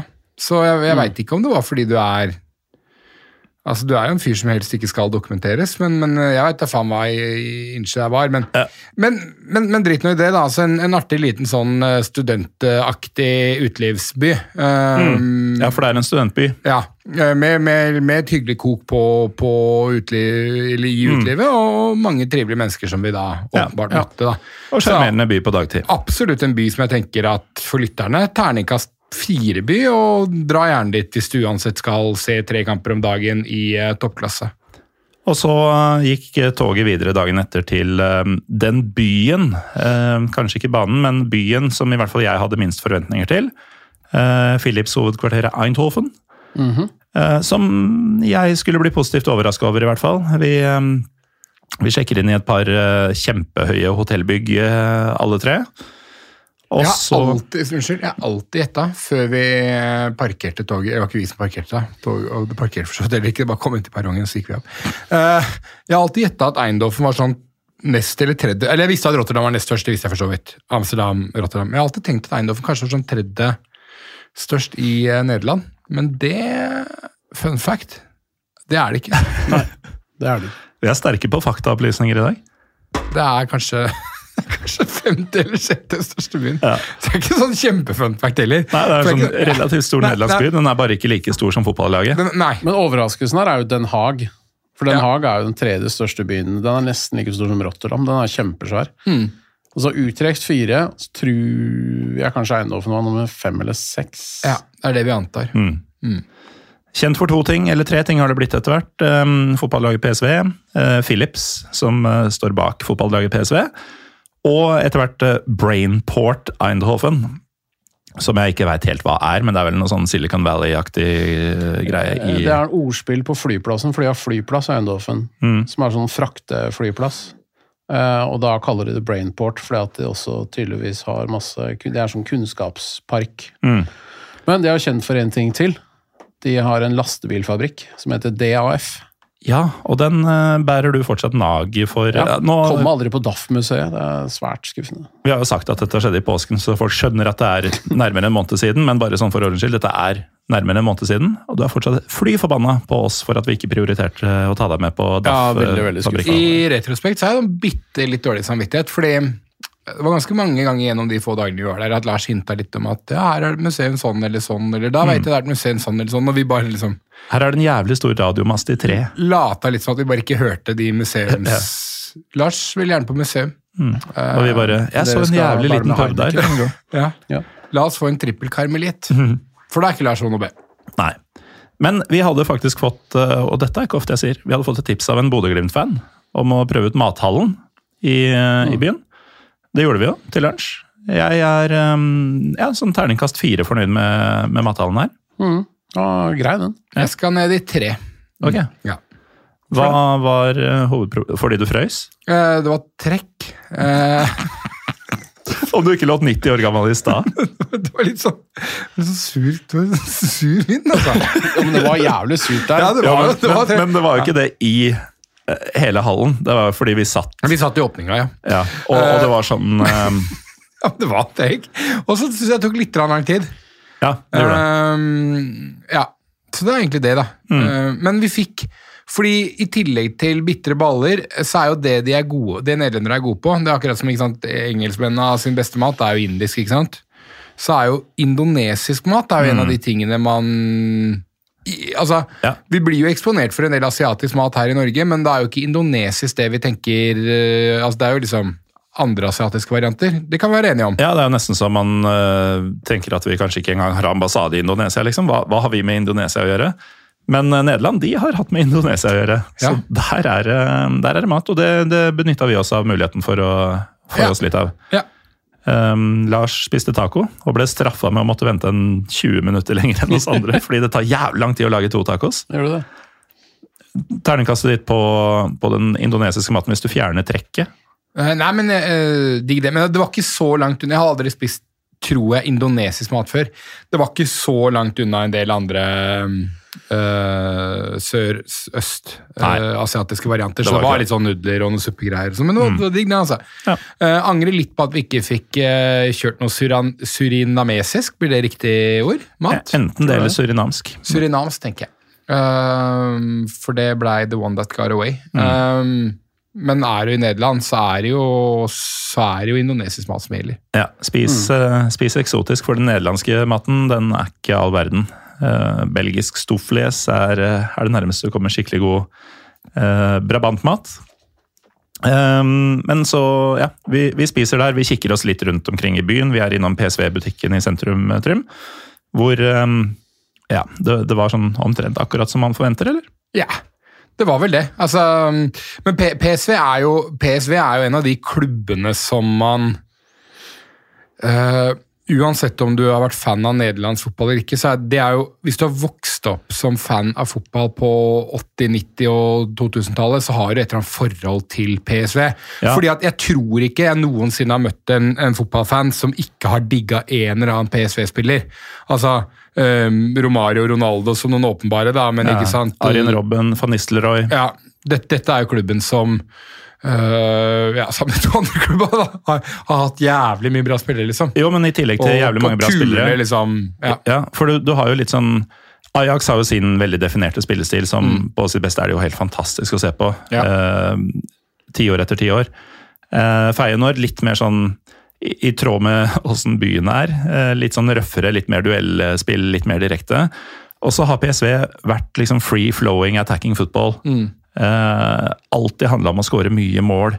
Alltid handla om tekniske, raske, offensive spillere, wingbacker som bor på feil halvdel. Så han har vært råd til å rekruttere unge stjerner, da. Mm. Um, så PSV er jo et lag som Og de har jo tidvis hatt gode resultater i Champions League. altså De har slått omtrent alle i enkeltkamper. Ja. Så, så det er en klubb man tar på ordentlig alvor i, i europeisk eh, sammenheng. Ja, det er en av, også, og, og, og det igjen da, byen, det er en av de byene som du assosierer uh, med, med fotballklubben sånn veldig. Og det, det, er ikke, det er ikke egentlig så jævlig mange byer som, som så til de grader hvor du umiddelbart Sier jeg London, så er det ikke sikkert at du tenker på et av London-lagene med en gang. på en måte. Uh, og det, og det, det er liksom sånn, sånn er det. Det er ikke så mange byer som har den greia. altså Porto er liksom noe annet jeg kunne tenkt meg, liksom, hvor, hvor du bare føler at, at det går sånn veldig hånd i hånd. Og når da det som er eh, historisk sett kjernebedriften, eller i hvert fall største som har kommet derfra, eh, Philips-fabrikken, også har vært en del av pakka hele veien, så er det jo en sånn det er jo en eller annen litt sånn kul historisk symbiose mellom, mellom industri, fotball eh, og by som, som går jævlig godt sammen. da. Eh, så forventningene til at eh, nå skal endelig se PSV og, og sånn, var jo for meg, de blei forsterka gjennom det å være i byen, da. Ja, og det er jo um, altså en måte å rose byen på, da. Ja. At man går der og får en større forventning til kampen. For det jeg hadde sett for meg, var at det egentlig var en by som ikke hadde noe særlig å by på. Um, no pun intended. Og at uh, det på en måte ville føles som det er en liksom kunstig stor fotballklubb. Men, men dette var en by av en viss størrelse, en by som var verdt å være i og tilbringe tid i. Som Ja, er sånn levbar. Altså, jeg tror Nederlenderne er veldig flinke til det. Alle byene vi var i, er jo tydeligvis ganske bra steder å leve, liksom. Eh, og, og, og, og det er eh, Altså, byene du, du, du kan holdt på å si gå overalt, og her har jo da også den, igjen da med by og klubb sammen. Altså Stadion til PSV ligger jo smack inne i sentrum. Jeg kan ja. aldri huske Eller jo, kanskje hva er, er det Millennium eller noe sånt i Cardiff? Altså det, det er få stadioner jeg har sett av den størrelsen som ligger så jævlig bang i sentrum av en storby. St. James Park, kanskje. Ja, mulig. Uh, Det er den stilen der. Ja, ja. Det, er ganske, det er også en ganske fet greie. Så når du kommer inn på hovedtogstasjonen, så, så er det nesten enden av perrongen, nærmest, eh, at, at stadion ligger. Da. Så det, det ser også forsterka det, det inntrykket av det. Ja. Ja, det var kult. Og når du sier stadion en viss størrelse, så er det ca. 35 000 som Philips eh, stadion tar. Ja, Men føltes større, egentlig. Gjorde det. For eh, vi, kom jo, vi, går, vi går jo selvfølgelig til kampen denne gangen, trengte ikke noe Uber. Og um, merker jo tidlig at trøkket utafor var jo massivt. eh, I denne Auschwitz-aktige porten som folk skulle ta bilder foran. Ja, det var litt ubehagelig, egentlig. Ja. Jeg fikk litt dårlig vibber av men ja. Endracht, uh, makt, makt, eller noe sånt, tror jeg det sto. Ja. Uh, uten at jeg vet helt hva det betyr. Men uh, det, det, det ga noen vibber. Uh, og foran den så var det jo noe sånn gullspor, eller eh, sånn Hollywood-stjerneraktige greier, med navn på store spillere som hadde vært der før. Um, så veldig tydelig fokus på Og den porten var jo sikkert fra en sånn gammel treningsanlegg eller stadionanlegg. eller noe sånt. Um, men veldig sånn En klubb som Altså, den er jo oppkalt etter Philips. Stadion er oppkalt etter Philips. Det er jo en klubb som på alle måter er assosiert med holdt på å si, teknologi og framgang. da. Eh, Men akkurat denne delen av det var jo veldig sånn De var veldig bevisst på å bevare og vise historien sin. Eh, og så Ja. Ja, Jeg må bare, jo, igjen da, bare på det med stadion. Det er da en stadion som opprinnelig Selvfølgelig den har jo vært renovert og sikkert revet og bygd opp på nytt, men det er jo det er jo der stadion da har ligget siden 1913. da. PC har vært på samme stadion midt inne i sentrum siden 1916. Igjen, det er ganske historisk eh, schwung over det. altså. Det er det. Godt over 100 år med plassering akkurat der. Vi kommer inn, og vi hadde jo um, litt billigere billetter enn uh, noen uh, andre på stadion, Lars, fordi vi hadde såkalt uh, obstructed view. ja. Fikk en stolpe rett foran eh, målet på andre sida. Men Ja. er du fra Norge, så er jo det bare normal view, egentlig. Ja. For det er jo ikke ett jævla stadionanlegg. Jeg er kanskje med unntak av det greiene dere holdt på med, Lars, men alle stadionanlegg i Norge, og det finnes jo tre stadion i Norge, um, uh, men alle de andre som også er stadioner, da, Mm. eh, så er det jo alltid stolper i veien. Så det er man jo egentlig ganske vant til i Norge. Ja, det er man, men man er ikke så vant til å få det på stadioner som du har sett så mye Champions League fra på TV og sånn opp igjennom. Kortsidebillett. Og, og, det eh, var, og det var en massiv jævel av en stolpe også. Den, den dekka ganske mye sikt, altså. ja. Men det var ikke sikten som skulle være det verste, Trym. Fordi det var, det var ikke mye rom for publikum å lage Nei. stemning i forkant her. Nei, altså, lørdag kveld i Eindhoven her, da. eh, og uh, igjen, man kommer inn der. Her får vi Ja, der har du atmosfæren, ja. Der har du atmosfæren. Dette er altså. Lars sitt opptak fra eh, si 20 minutter før kampstart. Ja, sikkert kanskje nesten enda lenger hos Gleta. Og, og, vi og det volumet der Ja. var, Det var så øredøvende. Ja. Ja. Bare for ekstra effekt så avbrøt jeg deg med å spille lyn. For det Ja. var, det var sånn det føltes. Og den musikken den sitter i en stund, altså. Mm. Eh, den hadde jeg akkurat gitt slipp på. Nei, så, så, så det, Og det er liksom sånn blinkende flomlysa går av og på. og Det er, det er veldig Ja. sånn type atmosfære, da. Lysshow og drithøy tekno. Ja, og jeg nevner at det var en lørdag kveld. Eh, det var veldig åpenbart for meg, eh, eller mitt inntrykk, da, av mye av publikum rundt oss. Det var utsolgt. Det var 35, eller altså i praksis utsolgt. 35 000 tilskuere. Um, eh, inntrykket mitt av mye av publikum rundt oss var at det her var, sånn, det her var vorspielet til å dra ut i kveld. Det var liksom der, det var noen sånne der studentgjenger ute sammen, og det var liksom Og de satt både foran og bak oss. Ja, så det var gjeng. sånn, her hadde man bare Og de kjente hverandre og Ja. ropte til hverandre. Og bytta plasser bytta underveis. plasser Ja. og sendte greier til hverandre. Så det var litt sånn night out. Det var egentlig ikke helt den fotballgreia. Um, og Og den følelsen slapp aldri meg helt, altså. Nei. Uh, Nå, vi var jo da på motsatt kortside av der de stående PSV-supporterne var. Og i en hvilken som helst eh, setting, i hvert fall av en så stor eh, Altså i så store proporsjoner, da, så ville man trodd at lyden som de lagde, ville bære over ganske store deler av matchen. Ja. Det var faktisk sjelden jeg hørte dem i det hele tatt. Det var det. Dere, dere to var tidlig ute og melde at eh, det var overraskende skuffende sånn tribuneopplevelse.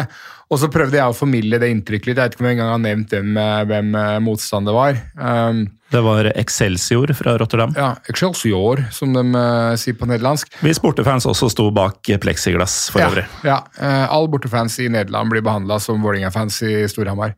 Um, så, men, men det var liksom Ja, det var dårlig, men jeg, som jeg ville ha en sånn formidlende greie, da, som, som er min gjetning, da, for jeg har jo ikke vært der ellers, men eh, på daværende tidspunkt, og for så vidt nåværende, så var jo PSV ligger ikke an da til å vinne eh, ligaen. Ligger litt grann bak. Og en for dem antageligvis jævlig uinteressant motstander. Og det er jo noe med nederlandsk fotball med de tre gigantene at det er klart at de møter mye bøss der forventninga er at her skal det være 6 og 7 og 8-0 eh, hver jævla gang. Og det skaper nok litt sånn så når vi kommer dit og tenker at wow, nå skal vi se svære PSV, så er det kanskje for PSV, eller for de lokale, så er det her kanskje egentlig en litt sånn ja, det er, ja, dette er litt sånn pliktløp, liksom. Dette er litt sånn første runde i cupen, nærmest, selv om det er en, en, en serierunde ganske seint i, i Vålinga gryner i ishockey, liksom. ja, ja, men det er litt sånn jeg, det er litt sånn jeg innbiller meg da, at det kanskje spilte inn. Uh, Det kan godt være, for jeg så um, riktignok på TV uh, PCV mot Ajax uh, nå nylig. ja. Og um, det, var ikke, det var ikke sånn at jeg bare hørte Feyenoord-supportere fra bak det pleksiglasset der. Altså der. Da var det stemning på stadion. Ja. Eh, Så de, de kan nok når de vil, men det var noe litt sånn herre Vi var jo på Antwerp eh, mot LSK, og du og jeg var jo blant dem som syntes det var skuffende svakt med den der britiske stilen som Antwerp eh, driver med. Uh, igjen, det var jo en transportetappe for dem òg, da, eh, for all del. Men uh, det var litt sånn samme følelsen jeg satt igjen med flere ganger i Nederland, egentlig. At Veldig sånn britisk orientert. Veldig sånn når det passer seg, så tar vi, men ellers så trenger vi ikke å anstrenge oss noe særlig. Nei, og, og, og det tror jeg er riktig. Det, igjen, det er, et veldig, det er et veldig anglofil måte å støtte laget sitt på. Det er utro, du, du sa at uh, NAC hadde et sterkt banner game, som du kalte det. Um, det er få flagg, det er lite av de tinga der, sånn, så det er ganske lite sånn visuelt, i hvert fall på en sånn type kamp. da, i en eneste referansen jeg har. Uh, Lite supportereffekter òg. Ja, PSV leder da 1-0 til pause, og resultatet av det er at spillerne på vei ut av banen uh, for å komme seg i garderoben blir, blir bua ut av hjemmepublikum. Ja. Så det å bare lede 1-0 mot Excelsior er ikke akseptabelt i Eindhoven, og det tror jeg også kanskje, kanskje understreker litt av mitt poeng, at det her er liksom for dem så er det her, her her skal man bare valse over. Dette her er egentlig bare en, en, en transportetappe igjen. da. Og det blei jo det til slutt, da. Det Det ender jo 4-0 her. og det var jo spesielt én spiller som du eh, hadde hørt om på forhånd og kanskje hadde bestemt deg for, men som leverte varene. Ja, altså, øh, Man husker at man hørte om Savi Simons allerede da han var sånn, jeg vet ikke, 14-15 eller noe sånt. Og så har han jo hatt litt sånn Martin Ødegaard-aktig reise. Han liksom ikke helt slått gjennom i en kjempestor klubb øh, sponsa av noen av disse gutta dere ikke liker. Og så har han da, ja, via Barca og PSG havna i PSV. eh, og nå er han vel kanskje 21-22 eller noe sånt, og nå virker det som det har løsna noe jævlig. For jeg snakka med noen andre i etterkant også som kan litt mer om dette, her, og sier at ja, han, han nå, nå er han the real deal. da. Eh, Og han var helt fantastisk i den matchen der. sånn, Ja. Selvfølgelig for han, eller for PSV, lav, lav eller ikke all verden nivå på motstander, men faen for en spiller. Så det blir spennende å se om han nå kanskje kan bli en sånn som, som, eh, som man tenkte at den skulle bli. da. Men han åpna dem jo gang på gang. altså Excelsior lå jo med en mur av spillere rundt egen 16. da, Så Mm. du må ha litt skills for å spille gjennom de folka der òg, da. Eh, Og han åpna dem opp hele tida. Og og det må jeg bare si også, eh, med tanke på bortesupporterne vi så på disse ulike arenaene. Eh, kudos til alle disse som holder med. Eh, altså Excelsior og lignende. Ja, ikke sant? Sparta, Rotterdam og små, nå så ikke vi dem nå, men altså sånne små klubber. Og så skulle du reise til disse stedene. Du reiser til Ajax, eh, Amsterdam, eh, til, til PSV Eindhoven, til Feyenoord Rotterdam liksom hvert år, og du veit at liksom, på en maksdag så kanskje vi bare taper 2-3-0. Eh, hvis vi har jævlig flyt, men mest sannsynlig blir et sted mellom 5 og 8. Liksom. Det, er, det er et jævlig tungt utgangspunkt. da. Var det ikke historisk innbyrde, så hadde Excelsior to seire i Eindhoven ever, eller noe sånt? Jeg tror det var mot PSV totalt. Okay. Jeg, jeg tror det inkluderte hjemmekamper. um, men jo, de vinner jo 4-0, og Savi Simons uh, hadde en stor kamp. Og vi merka jo da Han skåra det ene målet, og den jubelen og det poenget som ble gjort ut av hans scoring, var vesentlig høyere enn de tre andre. Han hadde egen scoringssang, hadde han ikke det? Sånn der egen videogreier. Jo, det kom til og med opp på det derre hovedreklameskiltene langs med um, langsidene. Så sto det bare sju Savi Simons over hele. I um, hvert fall etter at avspark hadde gått. Så han, han tok over stadion. Um, etter kampen så hadde du fått nok, eh, Lars. Du bodde jo ikke så veldig langt unna stadion, det gjorde jo for så vidt ingen. Nei, jeg hadde jo et digg hotellrom med et digert badekar, så da kula jeg der. Du gjorde det. Uh, Trym og jeg vi dro tilbake til vårt hotell. eh, hvor da jeg fikk denne famøse meldinga om at eh, vi kanskje skulle gå og ta én pils. Og vi hadde jo da um, intensjonen om å ta denne ene pilsen, som selvfølgelig betyr skal vi drikke oss møkk drit av Jeintoffen på en lørdagskveld. På vei dit så får vi jo da de første indikasjonene på at eh, seriestarten står i fare hjemme i Norge. Strømsgodset har gitt opp. Ja, og det betydde at kvelden var ødelagt. Vi visste hvor det bar, men likevel så fant vi veien ut i Old Oud Eindhoven. Ja. Gamlebyen i Eindhoven. Ja, eh, for old betyr old Ja. eh, på engelsk, eller gammel på norsk. Og Eindhoven betyr jo da Eindhoven som er navnet på byen. Eh, Og da kommer man inn i en sånn liten bargate som Den var, eh, den var på speed. Ja, fy faen for en bargate! Eh, For det var liksom Det var slags sånn derre Mye tekno. Ja, men mye alt, på en måte. Selvfølgelig jævlig mye tekno. Ja, De fleste stedene var jo tekno, men det var noe for enhver smak der. altså. Ja, ja, for det var brune ølbuler og trippel karmelite og sånt også, men det var nok mye annet mm, som ble tripla og kvadrupla også. Så det var mye varianter der. Uh, sånn type område som jeg normalt sett eh, enten ville hata eller elska, men, men, men, men denne kvelden så ble jo hatet. Man skjønte jo hvor man skjønte jo at Fotballforbundet kom til å ødelegge seriestarten i, eh, i Norge, så det, det, det la jo en litt sånn dempe på det hele. Så blei ikke den lørdagskvelden. Det kunne ha blitt i Eiendoffen. Nei. Men uh, igjen da, for å snakke litt til lytterne her, hvis man vurderer Nederland uh, Nå snakka vi ned den stadionopplevelsen vi hadde i, uh, i Eiendoffen, men, men byen leverte jo langt mer enn man hadde kanskje forskuttert eller antatt. da. Definitivt. Og um, kanskje den beste bartenderen ja, Ikke som jeg har vært borti noensinne, men faen for en mann som eh, tok oss imot på den litt eh, overfulle ølpuben som vi valgte. Ja, og, og igjen nå er det dere som er ølsnobben her, men det er jo litt kult med, med disse landene her at de er veldig de som er opptatt av ølet sitt, er jo veldig opptatt av at det skal gjøres skikkelig. Eh, Og Her var det også da med en gjestfrihet hvor, hvor jeg tror vi kom inn på sånn type pub der du så at mye av gutta som var der, var jo lokale eh, Det var stamgjester. Local lads. Det glemte vi vel også. det, det opplevde vi for så vidt dagen i forveien også. Eh, men eh, Eh, så, så de så at vi, vi ikke var derfra, da kom bartenderen og hilste på oss, gikk bak liksom, forbi bardisken og sånne ting, og så begynte han å anbefale øl og, og sånt. Og, og igjen, selv om jeg ikke er noe ølsnobb, så syns jeg det er noe jævlig kult over den greia om at man liksom Hva slags type øl vil dere ha? Og så er man veldig nøye på at den blir riktig. Jeg syns det, mm. det er fett.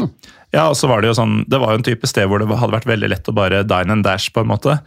Eh, altså løpe fra regninga. For det var, eh, det var ikke sånn at den skal ha penger nå. Nei, nei, dere betaler når dere er ferdig. Ja, det er ganske heftig på en Og- lørdag kveld i en storby. Ja, og Noe av grunnen til at han fyren kom ut til oss, det var jo fordi disse stamgjestene satt jo og sto langs med baren, så det var nesten umulig å komme til. Så han fikk jo bare blikkontakt. bare, I'm coming to you. Og kom bort og tok den praten. Og da han leverte, så eh, var det bare sånn Nei, nei, dere, dere kommer og betaler når dere er klare. Alt i alt en en ålreit by Eindhoven, tenker jeg. Og fra en dunkende kveld i Ode Eindhoven, eller i hvert fall så kunne det vært det, så tar vi toget til en rolig søndags formiddag i byen Tilburg. Ja, Det Som- høres ut som en brunsj, på en måte. Altså sånn Tilburg? Ja. Altså et sted å spise brunsj, eller en rett som man spiser til Alt sammen, liksom. Søndag, ja, gå- En søndag, en liten togtur til Tilburg på en søndag. Ja. Skal vi ta oss en Tilburg? Ja. Åh, det hørtes digg ut. Eh, vi drakk jo noe i Tilburg som vi ikke har drikket verken før eller siden, det kommer vi til, men eh, på forhånd så Jeg så for meg en ganske liten, eh, ganske pen by. Dette er basert kun på navnet, egentlig. Og eh, det var den kampen jeg hadde minst forventninger til på forhånd. Eh, dette er da hjembyen til Wilhelm 2, eller Wilhelm 2A. -hmm. Som som da skulle møte VVV Venlo. Ja. Og for de av lytterne som har lyst til å lære mer om VVV Venlo, da, så kan man gå inn på W, W, W, enkeltve, enkeltve, enkeltve, bindestrek, enkeltve, enlo.nl. Det er hjemmesida deres. Ja. Det, det er jo så Siden vi ikke skal dekke de så veldig, så kan det Ja. være greit å bare ja, det, det, det, måtte sies. Ja. Um, Skal jeg gjenta det? www.enkeltv, enkeltv, enkeltv. Kjør! Ja, da, det var hele. Ja, jeg, jeg, jeg, jeg synes det Man, navnet er man kan spole tilbake hvis man vil. Uh, hvis man ikke fikk det med seg. hvis man trenger web til det bortelaget vi ikke kommer til å prate om. Tilburg by. Ja, Da er vi 20 minutter unna Eindhoven eller sånn, eller? noe sånn. Ja, faen, ikke langt. Wilhelm II skulle vise at det var, det var det som var hovedrivalen til eh, Breda. Som Nå jeg er vi så tilbake i. Brabanten. Ja. Eindhoven er ikke i Brabanten. Nei, vi var ute av Brabanten et øyeblikk der. Brabanten, ja. Ja. Ja, Det var godt å være tilbake, Trym. Det var det, og jeg har jo alltid liksom øh, Jeg, øh, øh, jeg ble jo pappa for et par år siden, og er jo, så har jo sånn sett nå lov til å ha sånn pappahumor. Mm. Så jeg hadde bestemt meg for på forhånd, når jeg endelig skulle se Wilhelm 2, at eh, liksom min go-to-joke gjennom hele dagen skulle være sånn ja, Hvis dette har nivå på andrelaget til Wilhelm, så skulle jeg likt å satt førstelaget. Så den, den kjørte jeg litt, da. Ja, vi, vi merka jo det. Vi, Men det lytterne kanskje har lyst til å vite, er jo hvem Wilhelm den andre var. Fordi at uh, han var jo en storkar, Lars. ja, han var en konge Ja. som uh, Nå husker jeg ikke så godt, da. Nei, men alle kongene het Han dabba i Tilburg. Ja. Og han hadde, ja, for han var ikke derfra. Han Nei. bare daua der. men ja, det var, Jeg tror han kanskje ikke daua der, men han hadde Han Hadde eh, fe- felteier. når han hadde fortet sitt der, eller eh, armeen sin, eller sånt der. Ja. Veldig mange av keiserne til eh, nederlenderne het Wilhelm, Wilhelm, William, Ja. Wilhelmina. Altså, Ja. de har vært glad i det navnet, da. Det var i Will-kategorien av navn. Ja. Eh, Vi ankommer da selvfølgelig med tog, som vanlig. Dette er tidlig på formiddagen, sånn i ellevetida kanskje. ja ingen bryr seg. Ja. På, på søndag. Eh, Bestemmer oss for å gå, for det skulle ta en drøy halvtime. Det er jo en søvnig by på en søndag formiddag, dette her, Trym. Søndag i påsken så er det jo en litt sånn ja, småliten by i eh, Europa på en søndag i påsken. Ja, Ja. det, var, det var stille. Det var det. Var det. Så, men, men det virka som Vi fikk jo da ikke tid og anledning til å utforske byen noe særlig, men det virka som en veldig veldig fin og hyggelig by. Med masse tilsynelatende ja, sånn enkeltstående butikker. altså Ikke dette her hva dere snakka om som er i alle storbyene nå, Sephora og Ja, Strabowski og hva det nå heter alt sammen. Ja, Stravinskij er utested i Oslo, det. Ja. Ja. Hva var det du kalte det? Sarovski? Svarovski. Svarovski. Ja, jeg var i nærheten. Footlocker. Ja, ikke minst. Eh, nei, for vi gikk jo Apropos det, faen, det er et par år siden jeg flytta fra Oslo. Når jeg går gjennom Oslo nå Kontoret mitt er heller ikke i sentrum av Oslo. Du trenger ikke å gå jævlig langt for å komme til en sånn bak bakstube-variant, eller? Ja, det Faen, er, Det er jo Det den det, nye, det, det, det på. det nye 7-Eleven. Hvor jævla mange pretzler trenger dere, liksom? er godt. Vi hadde ikke så stort pretzelbehov da jeg bodde her. Nei, det, det er noe Oslo har fått siden du dro, egentlig. Åpenbart.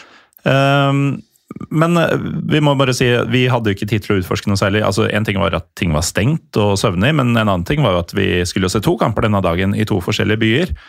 Um, men Tilburg, altså vi går gjennom antagelig store deler av byen eh, i denne halvtimen. Alt er stengt, men det ser ut til å være, som du sier, mye enkeltstående lokale etablissementer.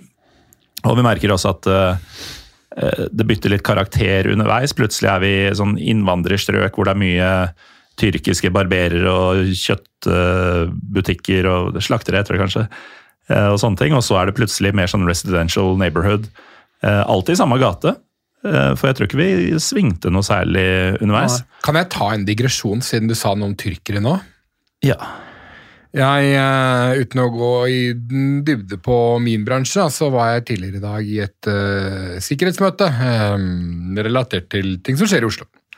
Og det er jo noe jeg vanligvis ikke deler noe fra. Men uh, til helgen, som du vet, Gardåsen, og du har jo sikkert en sånn stemmeseddel og gleder deg, så er det jo valg i Tyrkia. Mm. Uh, og det er den eneste ambassaden i Oslo der det i forbindelse med valg kan forventes at uh, folk som kommer for å stemme, kan begynne å slåss med hverandre. Uh, er ikke det fascinerende? Jo. Det, så det er sånn, det må man bare være sånn klar over. da. Politiet tar noen hensyn og litt sånn forskjellig. Ja. Det syns jeg er gøy. nå er jo ikke valget nå til helga, men det er sikkert forhåndsstemmene fra tyrkere Da er det i sikkert det det er, da. Mm. Ja. Um, men uansett, det, det tviler jeg ikke på et øyeblikk. Og jeg kjenner jo en del tyrkere i Norge, og det er ikke det er ikke sjelden man hører noen beskylde noen andre for å være spioner. Men jeg bare elsker tanken på sånn norsk diaspora i sånn Lanzarote eller noe sånt. Nå. Ja. Stå der og liksom Ja, hvem skal ha på i dag, da? Og så sier Stemmer noen på Carl! Ja, og så begynner man å slåss. Nei, det stemmer ikke på Carl, da får du slåss. Det er antakeligvis da det fyring på Kanariøyene i det norske diasporamiljøet. der. Tilburg. Uh, ja. Vi, vi kommer jo fram til stadion, og um, Var det en uh, proper football ground? Ja, det var en proper football ground, som jeg liker å kalle alle stadioner i Nederland. jeg tror Ja. du kalte alle stadionene det. Ja. Alle fire. Ja. Jeg liker, eh, jeg liker å prate litt sånn innimellom. Mm. Eh, og jeg sa jo det innledningsvis, at jeg mener at Proper football ground, Lodge. ja, ja, Proper ikke sant? football. Jeg liker å være den fyren. Uh, jeg sa Høres det ut som John Terry, liksom. ja, um, jeg sa det innledningsvis at jeg mener at det er for få proper football grounds i eh, Norge. Ja, det er det ikke i Nederland. Det er ikke i Nederland. ass, faen. Ordentlig sånn, sånn, sånn bra størrelse på, men litt sånn gammeldags. Og, og, og du, før, før du dro den der meningsløse digresjonen om de tyrkiske vennene dine, Gardasen, så, så, så, så begynte vi å nærme oss stadion i tilbygg her. Og da kommer jo folk syklende. ikke sant? Da hører du disse ringeklokkene på syklene, for det er nederlendere, de sykler. Mm. Uh, uh, og det er litt sånn det er sånn stadion som du kommer til, hvor du liksom begynner å føle Du får litt den derre Litt den følelsen av at uh, her har du en stadion som uh, Det betyr liksom litt sånn ekstra. Her er et eller annet sånn historisk. Du merker litt hvordan folk sånn samles litt sånn ut, på utsida og sånt nå. Og så hadde de gjort det som jeg mener at langt flere stadioner og arenaer burde gjort, nemlig du holder det til typ én inngang, i hvert fall for alt av hjemmepublikum, sånn, sånn røftlig. Og så har man svære fellesområder inne med øl og merchandise og litt musikk. Og for en gangs skyld, første gang i Nederland, tror jeg, vi ikke skulle oppleve at det bare var tekno på, på, på låtvalget. Det var litt uh, Sweet Caroline og sånn, var det ikke? Ja, og der kunne man også kjøpe Ja, det hjelper jo ikke så veldig mye, da. Det, Nei, men det er en annen ja, sjanger. Ja da, det er det. Um, så jeg likte, jeg likte den biten veldig godt. Uh, Andrelaget til Wilhelm, fantastisk logo. Uh, en ganske unik drakt, for det er jo denne trikolore-stripete drakta, som er da tre farger i, i striper, når du ser nesten bare i Brasil egentlig, at du ser tre, trefarger i striper. Det ser du altfor sjelden i Europa. Uh, fargekombinasjon du kan like, Lars, uh, du som er glad i Norge, for det er nemlig blått, hvitt og rødt. uh, eller rødt, hvitt og blått. Um, og du får den der litt sånn Du får den skikkelige følelsen at dette er en historisk klubb, og som, jeg, som vi var inne på, dette er også som alle de andre klubbene vi så på hjemmebane, en klubb som også har vunnet ligaen i Nederland Ja. ved noen anledninger. da. Lang historie. Mm. Stolt, eh, tradisjonsrik klubb. Du googla jo også underveis um, tidligere notable players, og den lista var mye lenger enn vi hadde sett for oss. Det har bl.a. hatt både Japstam og Sami Hypie, uh, og fryktelig mange andre. Eh, skulle vise seg. Men før vi kom inn på stadiontrym, inne på dette festområdet som du prata om, så fikk du smake på litt nederlandsk mat igjen. du fant noe burgeraktig. Ja, man trodde det var en man, Det så ut som sånn sliders, men det var tydelig at det var en sånn lokal For det sto noe sånn siden 1950 et eller annet. Eller sånt, nå, så det var sånne lokale burgere. Jeg husker ikke hva det het. Men jeg tenkte at det bare Det så ut som en digg sånn liten stadionsnack, men det var en slags frityrstekt eh, lunsjkake. Eh, som bare ikke var spesielt god, da. Med eh, sånn brunstekt løk eh, i et hamburgerbrød som var en slags frityrstekt rosinbolle uten rosiner. Eh, ikke, all, ikke all verden. Men Fikk du, fikk du med snerk òg, eller? Ja, hele greia hadde litt sånn eim av snerk, egentlig. Du vet, Når du spiser noe hvor du blir så fettete på fingra at selv om du har sånn våtserviett etterpå, så er fortsatt fingrene Ja, De blir bare våte og gjennomsiktige. Ja, ja. Og Hvis du tar på skjorta di, så blir skjorta gjennomsiktig etterpå. Såpass greasy var det greiene der. sånn. Men da kunne du heldigvis skylle ned med en uh, iskald Bud Light. Ja, ikke Bud Light. uh, Bud Weiser var det. de Hva er forskjellen? Uh, Bud Light er litt lysere, da. Det er jo, det er jo deres Heineken Silver. uh, det var jo stas for meg da, å kunne få litt amerikansk øl når vi først er i dette ølsnobberiet som, som en Benelux er.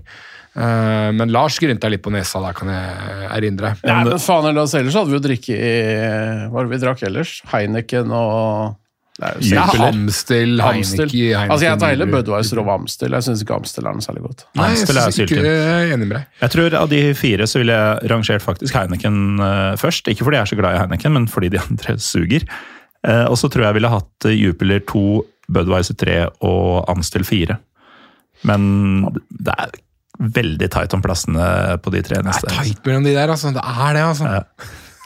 Men uh, nok om det. Vi, vi kommer oss inn på stadion. Etter litt om og men. Mm. Vi gikk jo rundt hele dritten fordi vi skjønte ikke hvor feltet vårt skulle være. Og det var ikke vår skyld. Nei da, det var ikke vår skyld. Eh, Det var vel Fredrik Wiesur Hansen det også som hadde guida oss i, i, i gæren retning. Men Ja, denne gangen var det Lars Erik Skau. Ja, han var også med. Um, jeg Her er vi jo øh, Nå nevnte vi uh, Wilhelm som en, en historisk storklubb, men de har også da klart å ramle ned til nivå to. Som ikke vi sa det, så er vi nå ikke i verken toppklasse eller erste divisie, men, men da øh, Jo, vi er i Erste Divisie, men ikke Eredivisie. Ja, korrekt. eh, Bra presisering, Gardassen, For de ramla ned for et år eller to siden.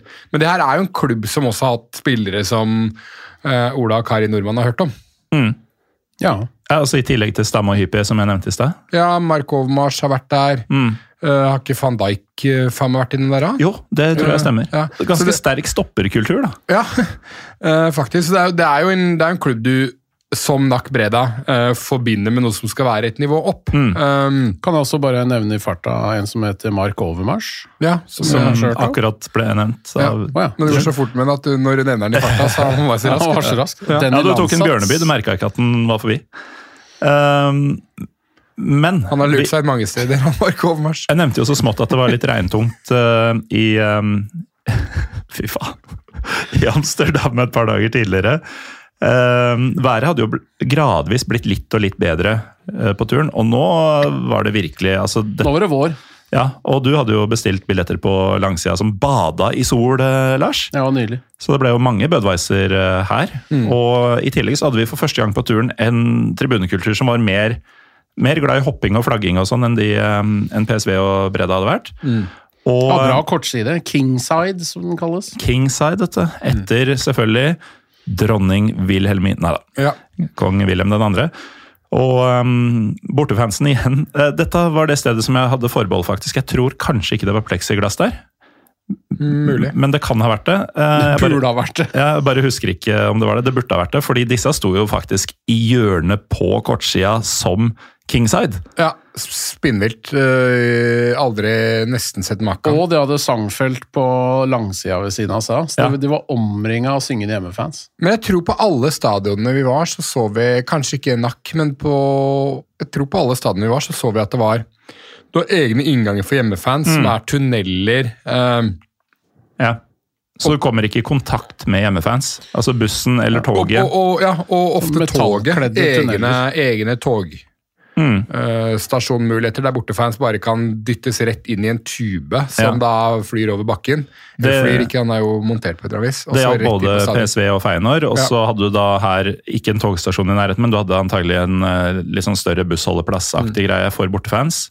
Opp eh, en trapp og så gjennom en tube uten at de kom i kontakt med folk som skulle på hjemmekamp. Ja, men VVV Venlo er jo et lag som jeg har fått med at har vært litt oppe på øverste nivå noen sesonger sånn Dette kunne vært en toppseriekamp. Ja, definitivt. Uh, og Det var derfor jeg ville presisere for lytterne òg, fordi de som ikke følger med, uh, meg selv inkludert, kunne jo sikkert ha antatt det. Eh, men det er ikke en klubb som Det er ikke en klubb jeg forbinder med noe som helst, egentlig. Det er ikke så mange spillere jeg kan komme på har vært der.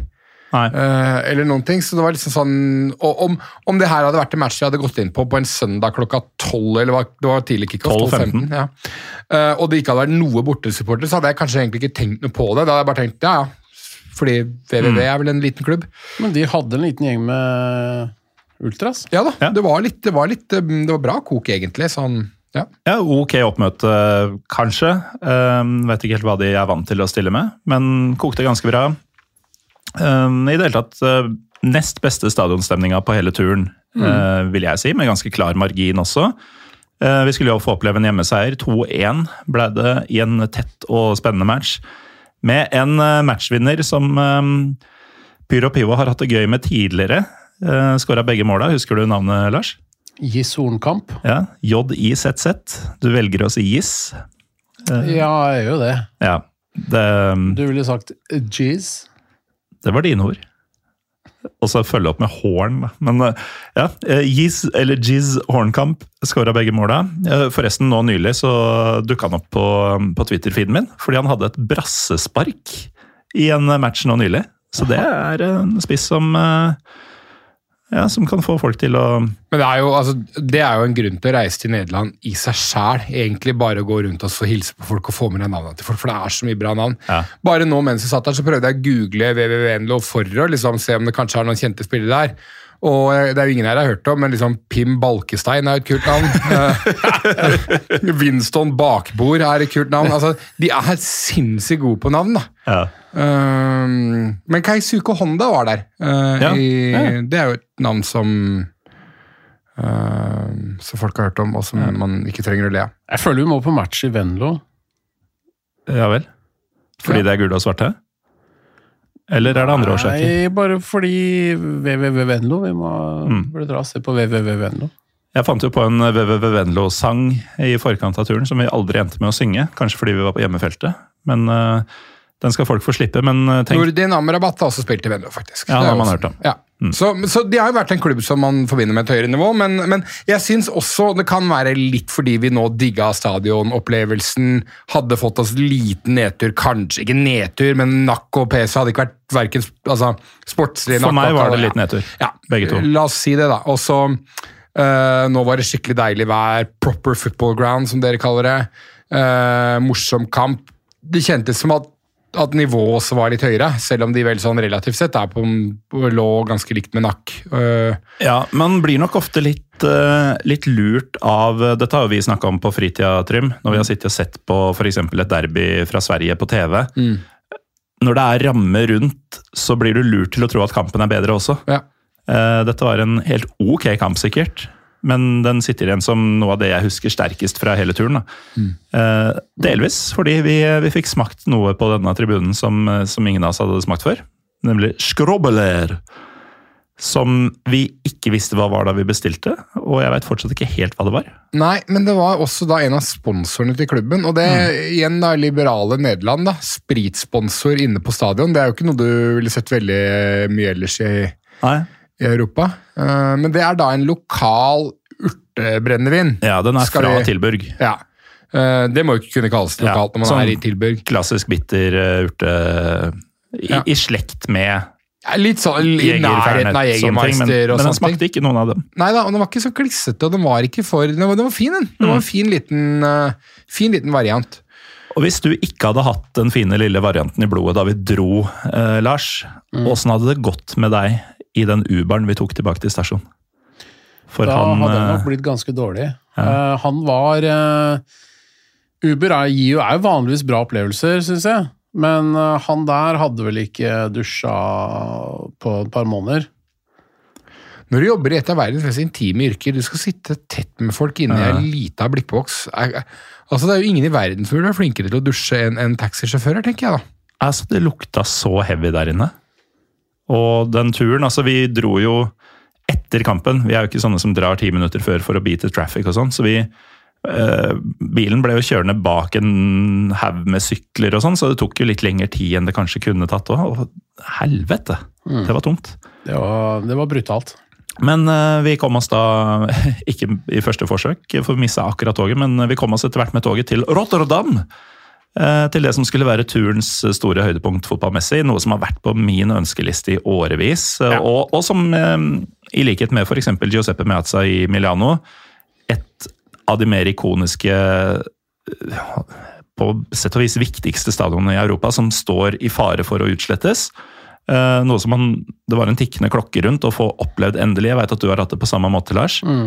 Eh, kanskje den kampen som først og fremst inspirerte deg til å sette i gang denne turen, eller?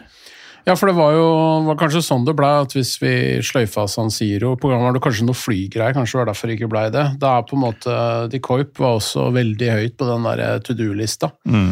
Og denne her eh, forsvinner vel antageligvis før eh, Det vil jeg tro. Ja. Tror du ikke det?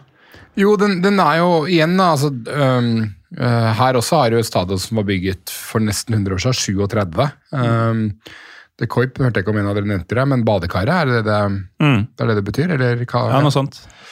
Øh, Offisielt stadion Feyenoord, da, men det er jo et anlegg med, med plass til 50 000 nesten, øhm, som, ja, som er en av Europas Ja, det er en bucketlist-stadion i Europa, da. Mer enn ja, mer, mer enn i hvert fall Philips Arena, for meg. Um, oh, Ja, ja, ja. Ja, ja. Mye mer. Og um, vi, um, vi, vi hadde jo egentlig bare tida av veien, så vi uh, sjekka inn jeg var igjen på våre respektive hoteller. Uh, Lars, du måtte komme deg til, uh, tilbake til oss på, for egen maskin, men du og jeg, Trym, vi møtte min uh, tyrkiske venninne Tuba, Ja, som skrives Tuba. ja, det er et bra navn. Ja, og for oss som kommer fra Lillestrøm, så er skal Hun det stemme i mm, valget. hun skal stemme. Eh, Hun er sånn som også kan havne i slåsskamp i, eh, på ambassaden i, i Den Haag, eller hvor den nå ligger. Eh, Men eh, for oss som kommer fra Lillestrøm, så vi har jo en fyr, og han har vært gjest på podkasten også, for så vidt, eh, i miljøet som heter Tuba-Lars. Så du var jo veldig fornøyd med at Tuba skulle møte Lars. Jeg syns det var en fin Jeg tenkte at turen skulle kulminere med det på et eller annet vis. da. Ja, Og da må man jo ankomme med stil! Det Så man. der Lars tok en Uber tror jeg, til der vi skulle møtes for å drikke og spise litt, så valgte vi en annen vei. Båttaxi. Mm. Og det syns jeg, som Kragerø-gutt, var ganske fett, da. um, Kragerø-gutt. ja. Trym er, eh. Trym er litt Ja, rart, han. Jeg er uh, ganske kompleks. Ja, jeg skjønner jeg. Så ehm, Ja, men faen, det er jo en fet måte å ankomme ulike varianter på, da. Altså Subbe inn i sånn båttaxi. Ja, og det var så unødvendig! Ja, ja, ja, det var antageligvis Og det var så mye showing fra han sjåføren. Ja. Med litt sånn derre Sjåføren, som man kaller det. Kapteinen. ja. men, men, ja, men det var litt sånn der high speed slalåm på bølgene og sånn, selv om man egentlig bare kunne kjørt rolig rett over. For øvrig, Har dere vært på fotballtur altså med fugla på, med båt noen gang? Har dere hatt båttur til en bortematch? Nei. Nei, antageligvis ikke. Det er jo det elvesøkket vårt det er jo litt sånn Det, det går jo ofte um, uh, tørt. Så det er jo ofte dårlig Ellers så flommer det over. Ja, så er Kongsvinger Away, da, eventuelt oppover? Ja, eh, kunne vel teknisk sett komme seg til Fredrikstad via via, tror jeg. Det kan godt hende, men det Vi har ikke gjort det ennå. Vi hadde båttur til Drøbak eh, en gang. Det var helt sjukehus. mhm, tviler ikke.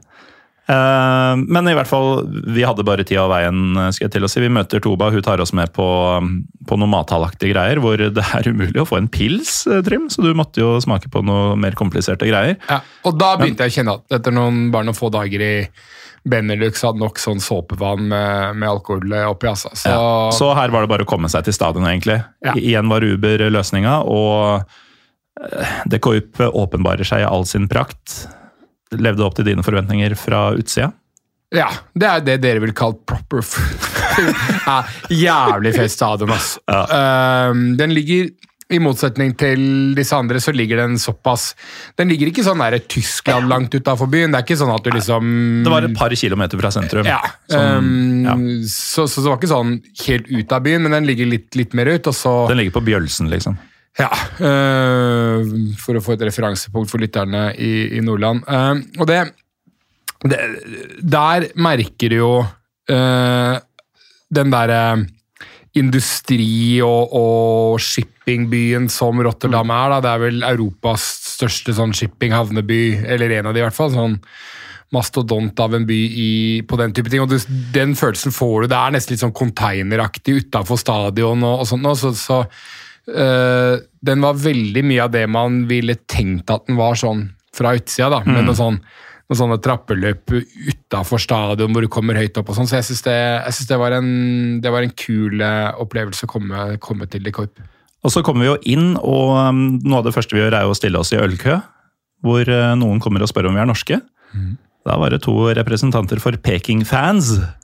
Altså IFK Norrköping-folk, som, uh, som også var der for første gang egentlig og hadde akkurat samme grunner som oss. At mm. dette var et sted man måtte oppleve før det forsvant. Nå hadde man muligheten, og de holder også med et lag som hjemme som presterer både opp og ned de siste åra. Så vi, vi hadde mye å snakke om. Og en var vel også utestengt.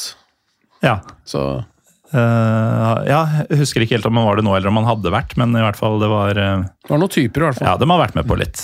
Um, vi kommer oss opp på tribunen. Vi sitter høyt. Uh, veldig høyt, faktisk. Jævlig bra billetter, men altså Jeg ser kult sitt høyt, da. Mm.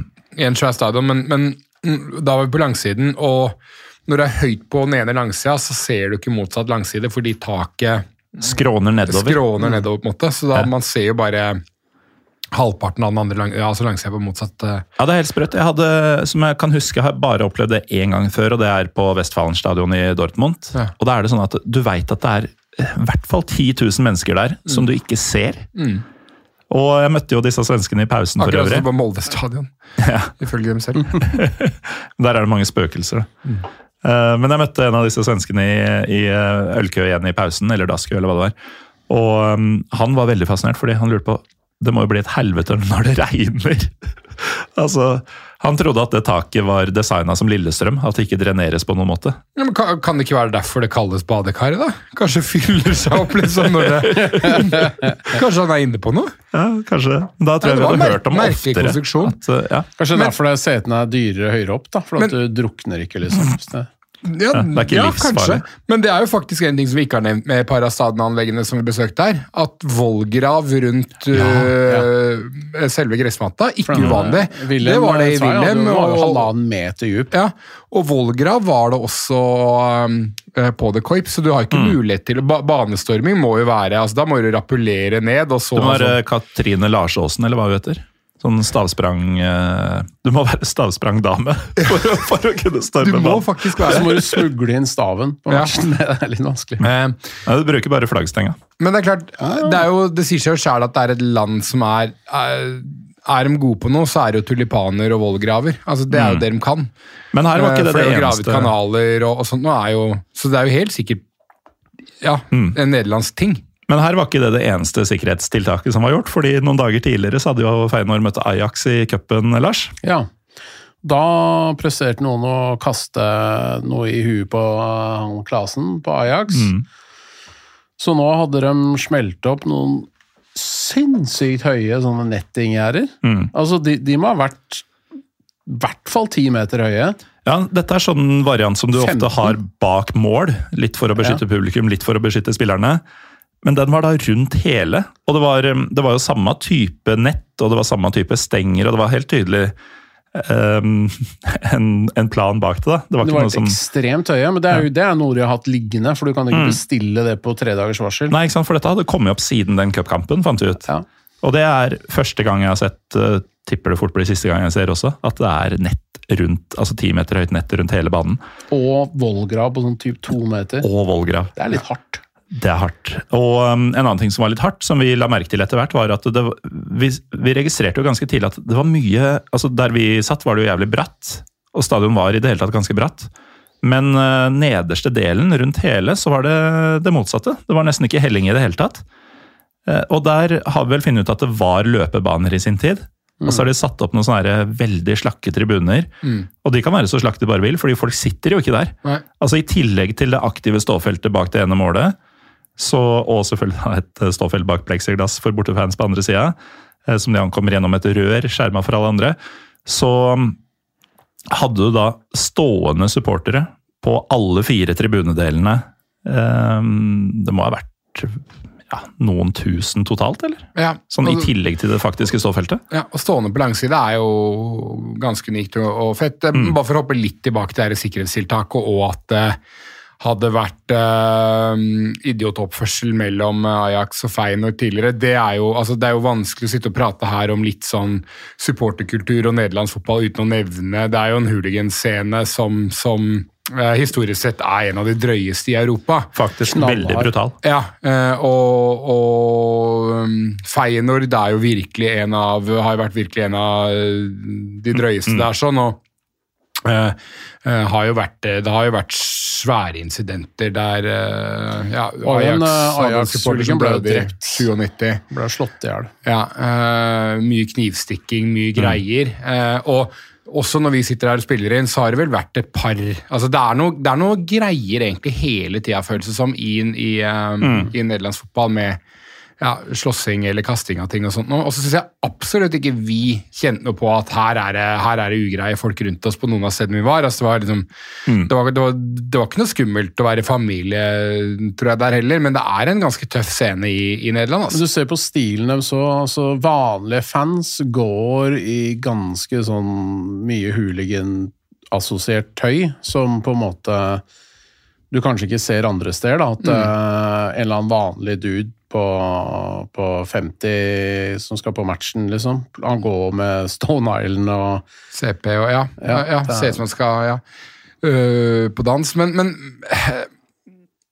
så, så jeg veit da faen, altså. Da, da det skjedde en- bare noen dager før vi skulle dra, så var det sånn at man var litt redde for at Feyenoord skulle måtte spille kampen for tomme tribuner. Øh, jeg er veldig pro et veldig aktivt tribuneliv, men jeg er jævlig lite glad at det kastes ting inn på mot øh, bane og mot spillere. Det er Altså. en jævla uting. Ja, totalt unødvendig. Og ja eh, Bare tull. Men eh, kampen, altså vi eh, Dette var selvfølgelig den vi hadde mest forventninger til, alle sammen. Ja, men også fordi at sportslig sett så, så altså, her, her, her kunne vi jo se det som veldig fort kunne bikke dette her til et seriegull for Feyenoord. Ja, de, de visste at de er på vei mot et seriegull, um, og det er de fortsatt i, i talende stund. Altså, dette kommer de til å ta. Eh, leder i, um, i øyeblikket med åtte poeng. Og um, det var jo en, det var en feststemning fra starten av. Altså, det, jo, det ble jo 5-1. De møtte RKC Valvik i, i gult og blått, som for så vidt yppa seg litt fram til 1-0-målet kom.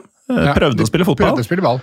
Men hadde ikke sjans mot et overlegent eh, hjemmelag, og taper til slutt 5-1. Eh, det er eh, blitt søndag kveld, så jeg håper å si festen ikke, Folk tok ikke dette som et vorspiel nødvendigvis, som de hadde gjort i Eindhoven, men øh, folk hadde det gøy på stadion. Ja, veldig. Og, og, det, og det kjentes, um, for å dra det litt tilbake til uh, opplevelsen i Eindhoven, her kjentes det som en litt annen type greie. Det, var, det var mye mindre i teknomusikken, det var mer, um, det var lavere volum, det var mer rom for at tribunen kunne kunne sette premisser for en del av trøkk og volumet. Og så er det fremdeles den litt sånn engelske eh, det er veldig forenkla å kalle det engelsk stil og italiensk stil, eller, altså, men, men, men jeg tror lytteren skjønner hva jeg mener. Det var, litt, var litt den stilen, men det var et ganske bra trøkk der inne. Eh, og eh, Svære lydtopper. Ja, veldig. veldig.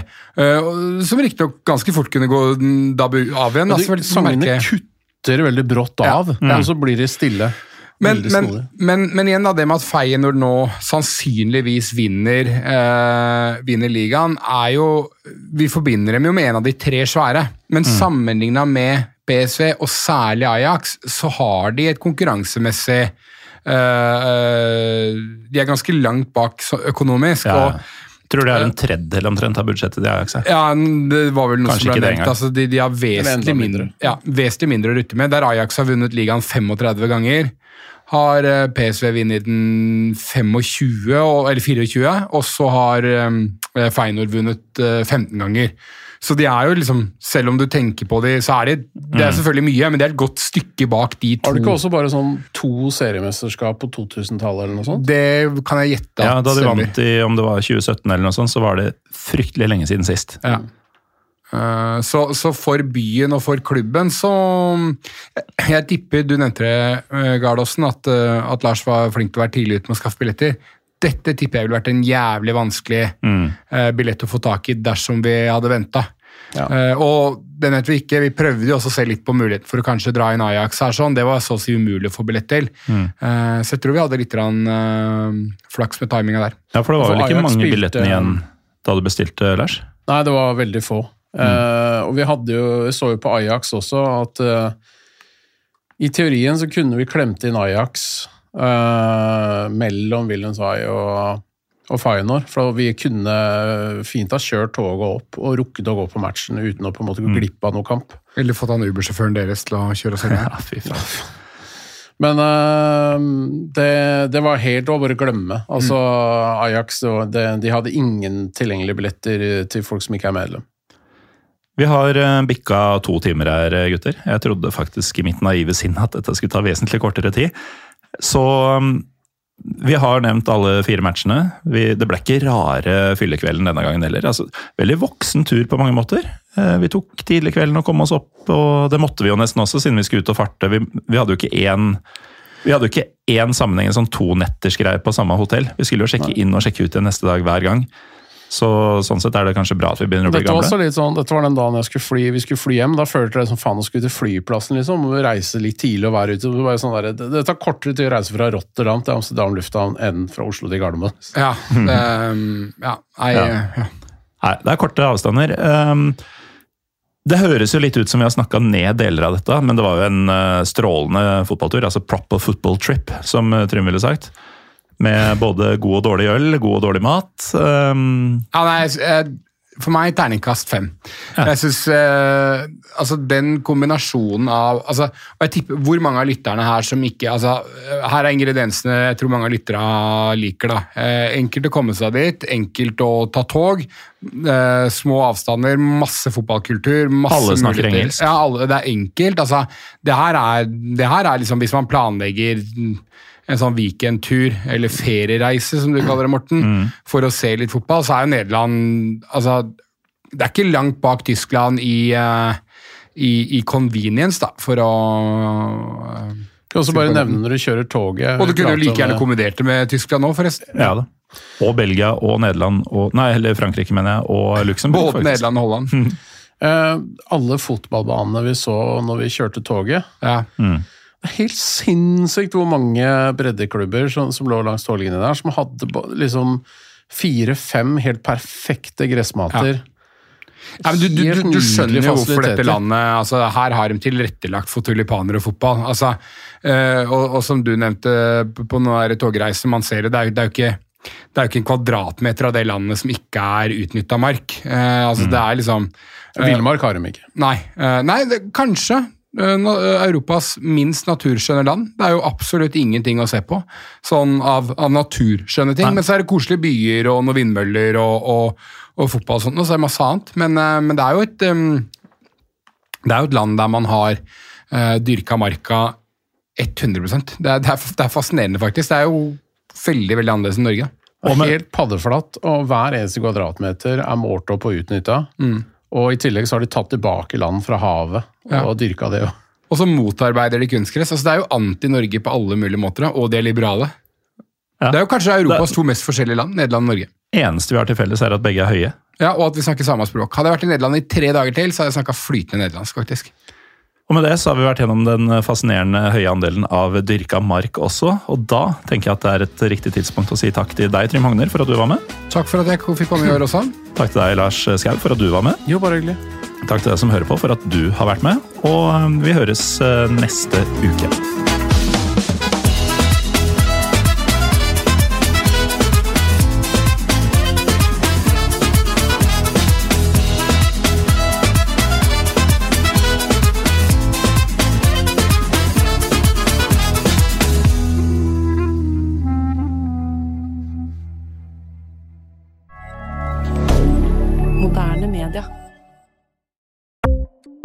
Ukens annonsør er HelloFresh. HelloFresh er verdens ledende matkasseleverandør og kan være redningen i en travel hverdag. Mange av oss har nok vandret i butikken både sultne og uten en plan for middagen, som ender med at vi går for de samme kjedelige rettene gang på gang. Middag burde være dagens høydepunkt. Som HelloFresh kan du nå velge mellom 25 ulike retter hver eneste uke, eller få HelloFresh til å sette sammen menyen for deg. Dette gir deg muligheten til å prøve nye og spennende retter alene eller sammen med familien. Du velger antall porsjoner og får alt levert på døren på et tidspunkt som passer for deg. Oppskriftene er enkle, og maten er lett å lage både for store og for små. Ved å få alt levert hjem får du også mer tid til å dele matgleden med familie og venner. Kanskje det frister med asiatiske tacos eller greskinspirert kylling? Da kan jeg anbefale deg om å gå inn på hellofresh.no. Her kan du bruke koden FOTBALL og få opptil 1779 kroner i rabatt på de første fem matkastene hvis du ikke har prøvd Hello Fresh tidligere. Du kan også bruke rabatten hvis du har vært kunde og stoppet abonnementet ditt for tolv måneder siden eller lengre. Gå inn på hellofresh.no og bruk koden FOTBALL. Har du et enkeltpersonforetak eller en liten bedrift? Da er du sikkert lei av å høre meg snakke om hvor enkelt det er med kvitteringer og bilag i fiken, så vi eh, gir oss her, vi. Fordi vi liker enkelt. Fiken superenkelt regnskap.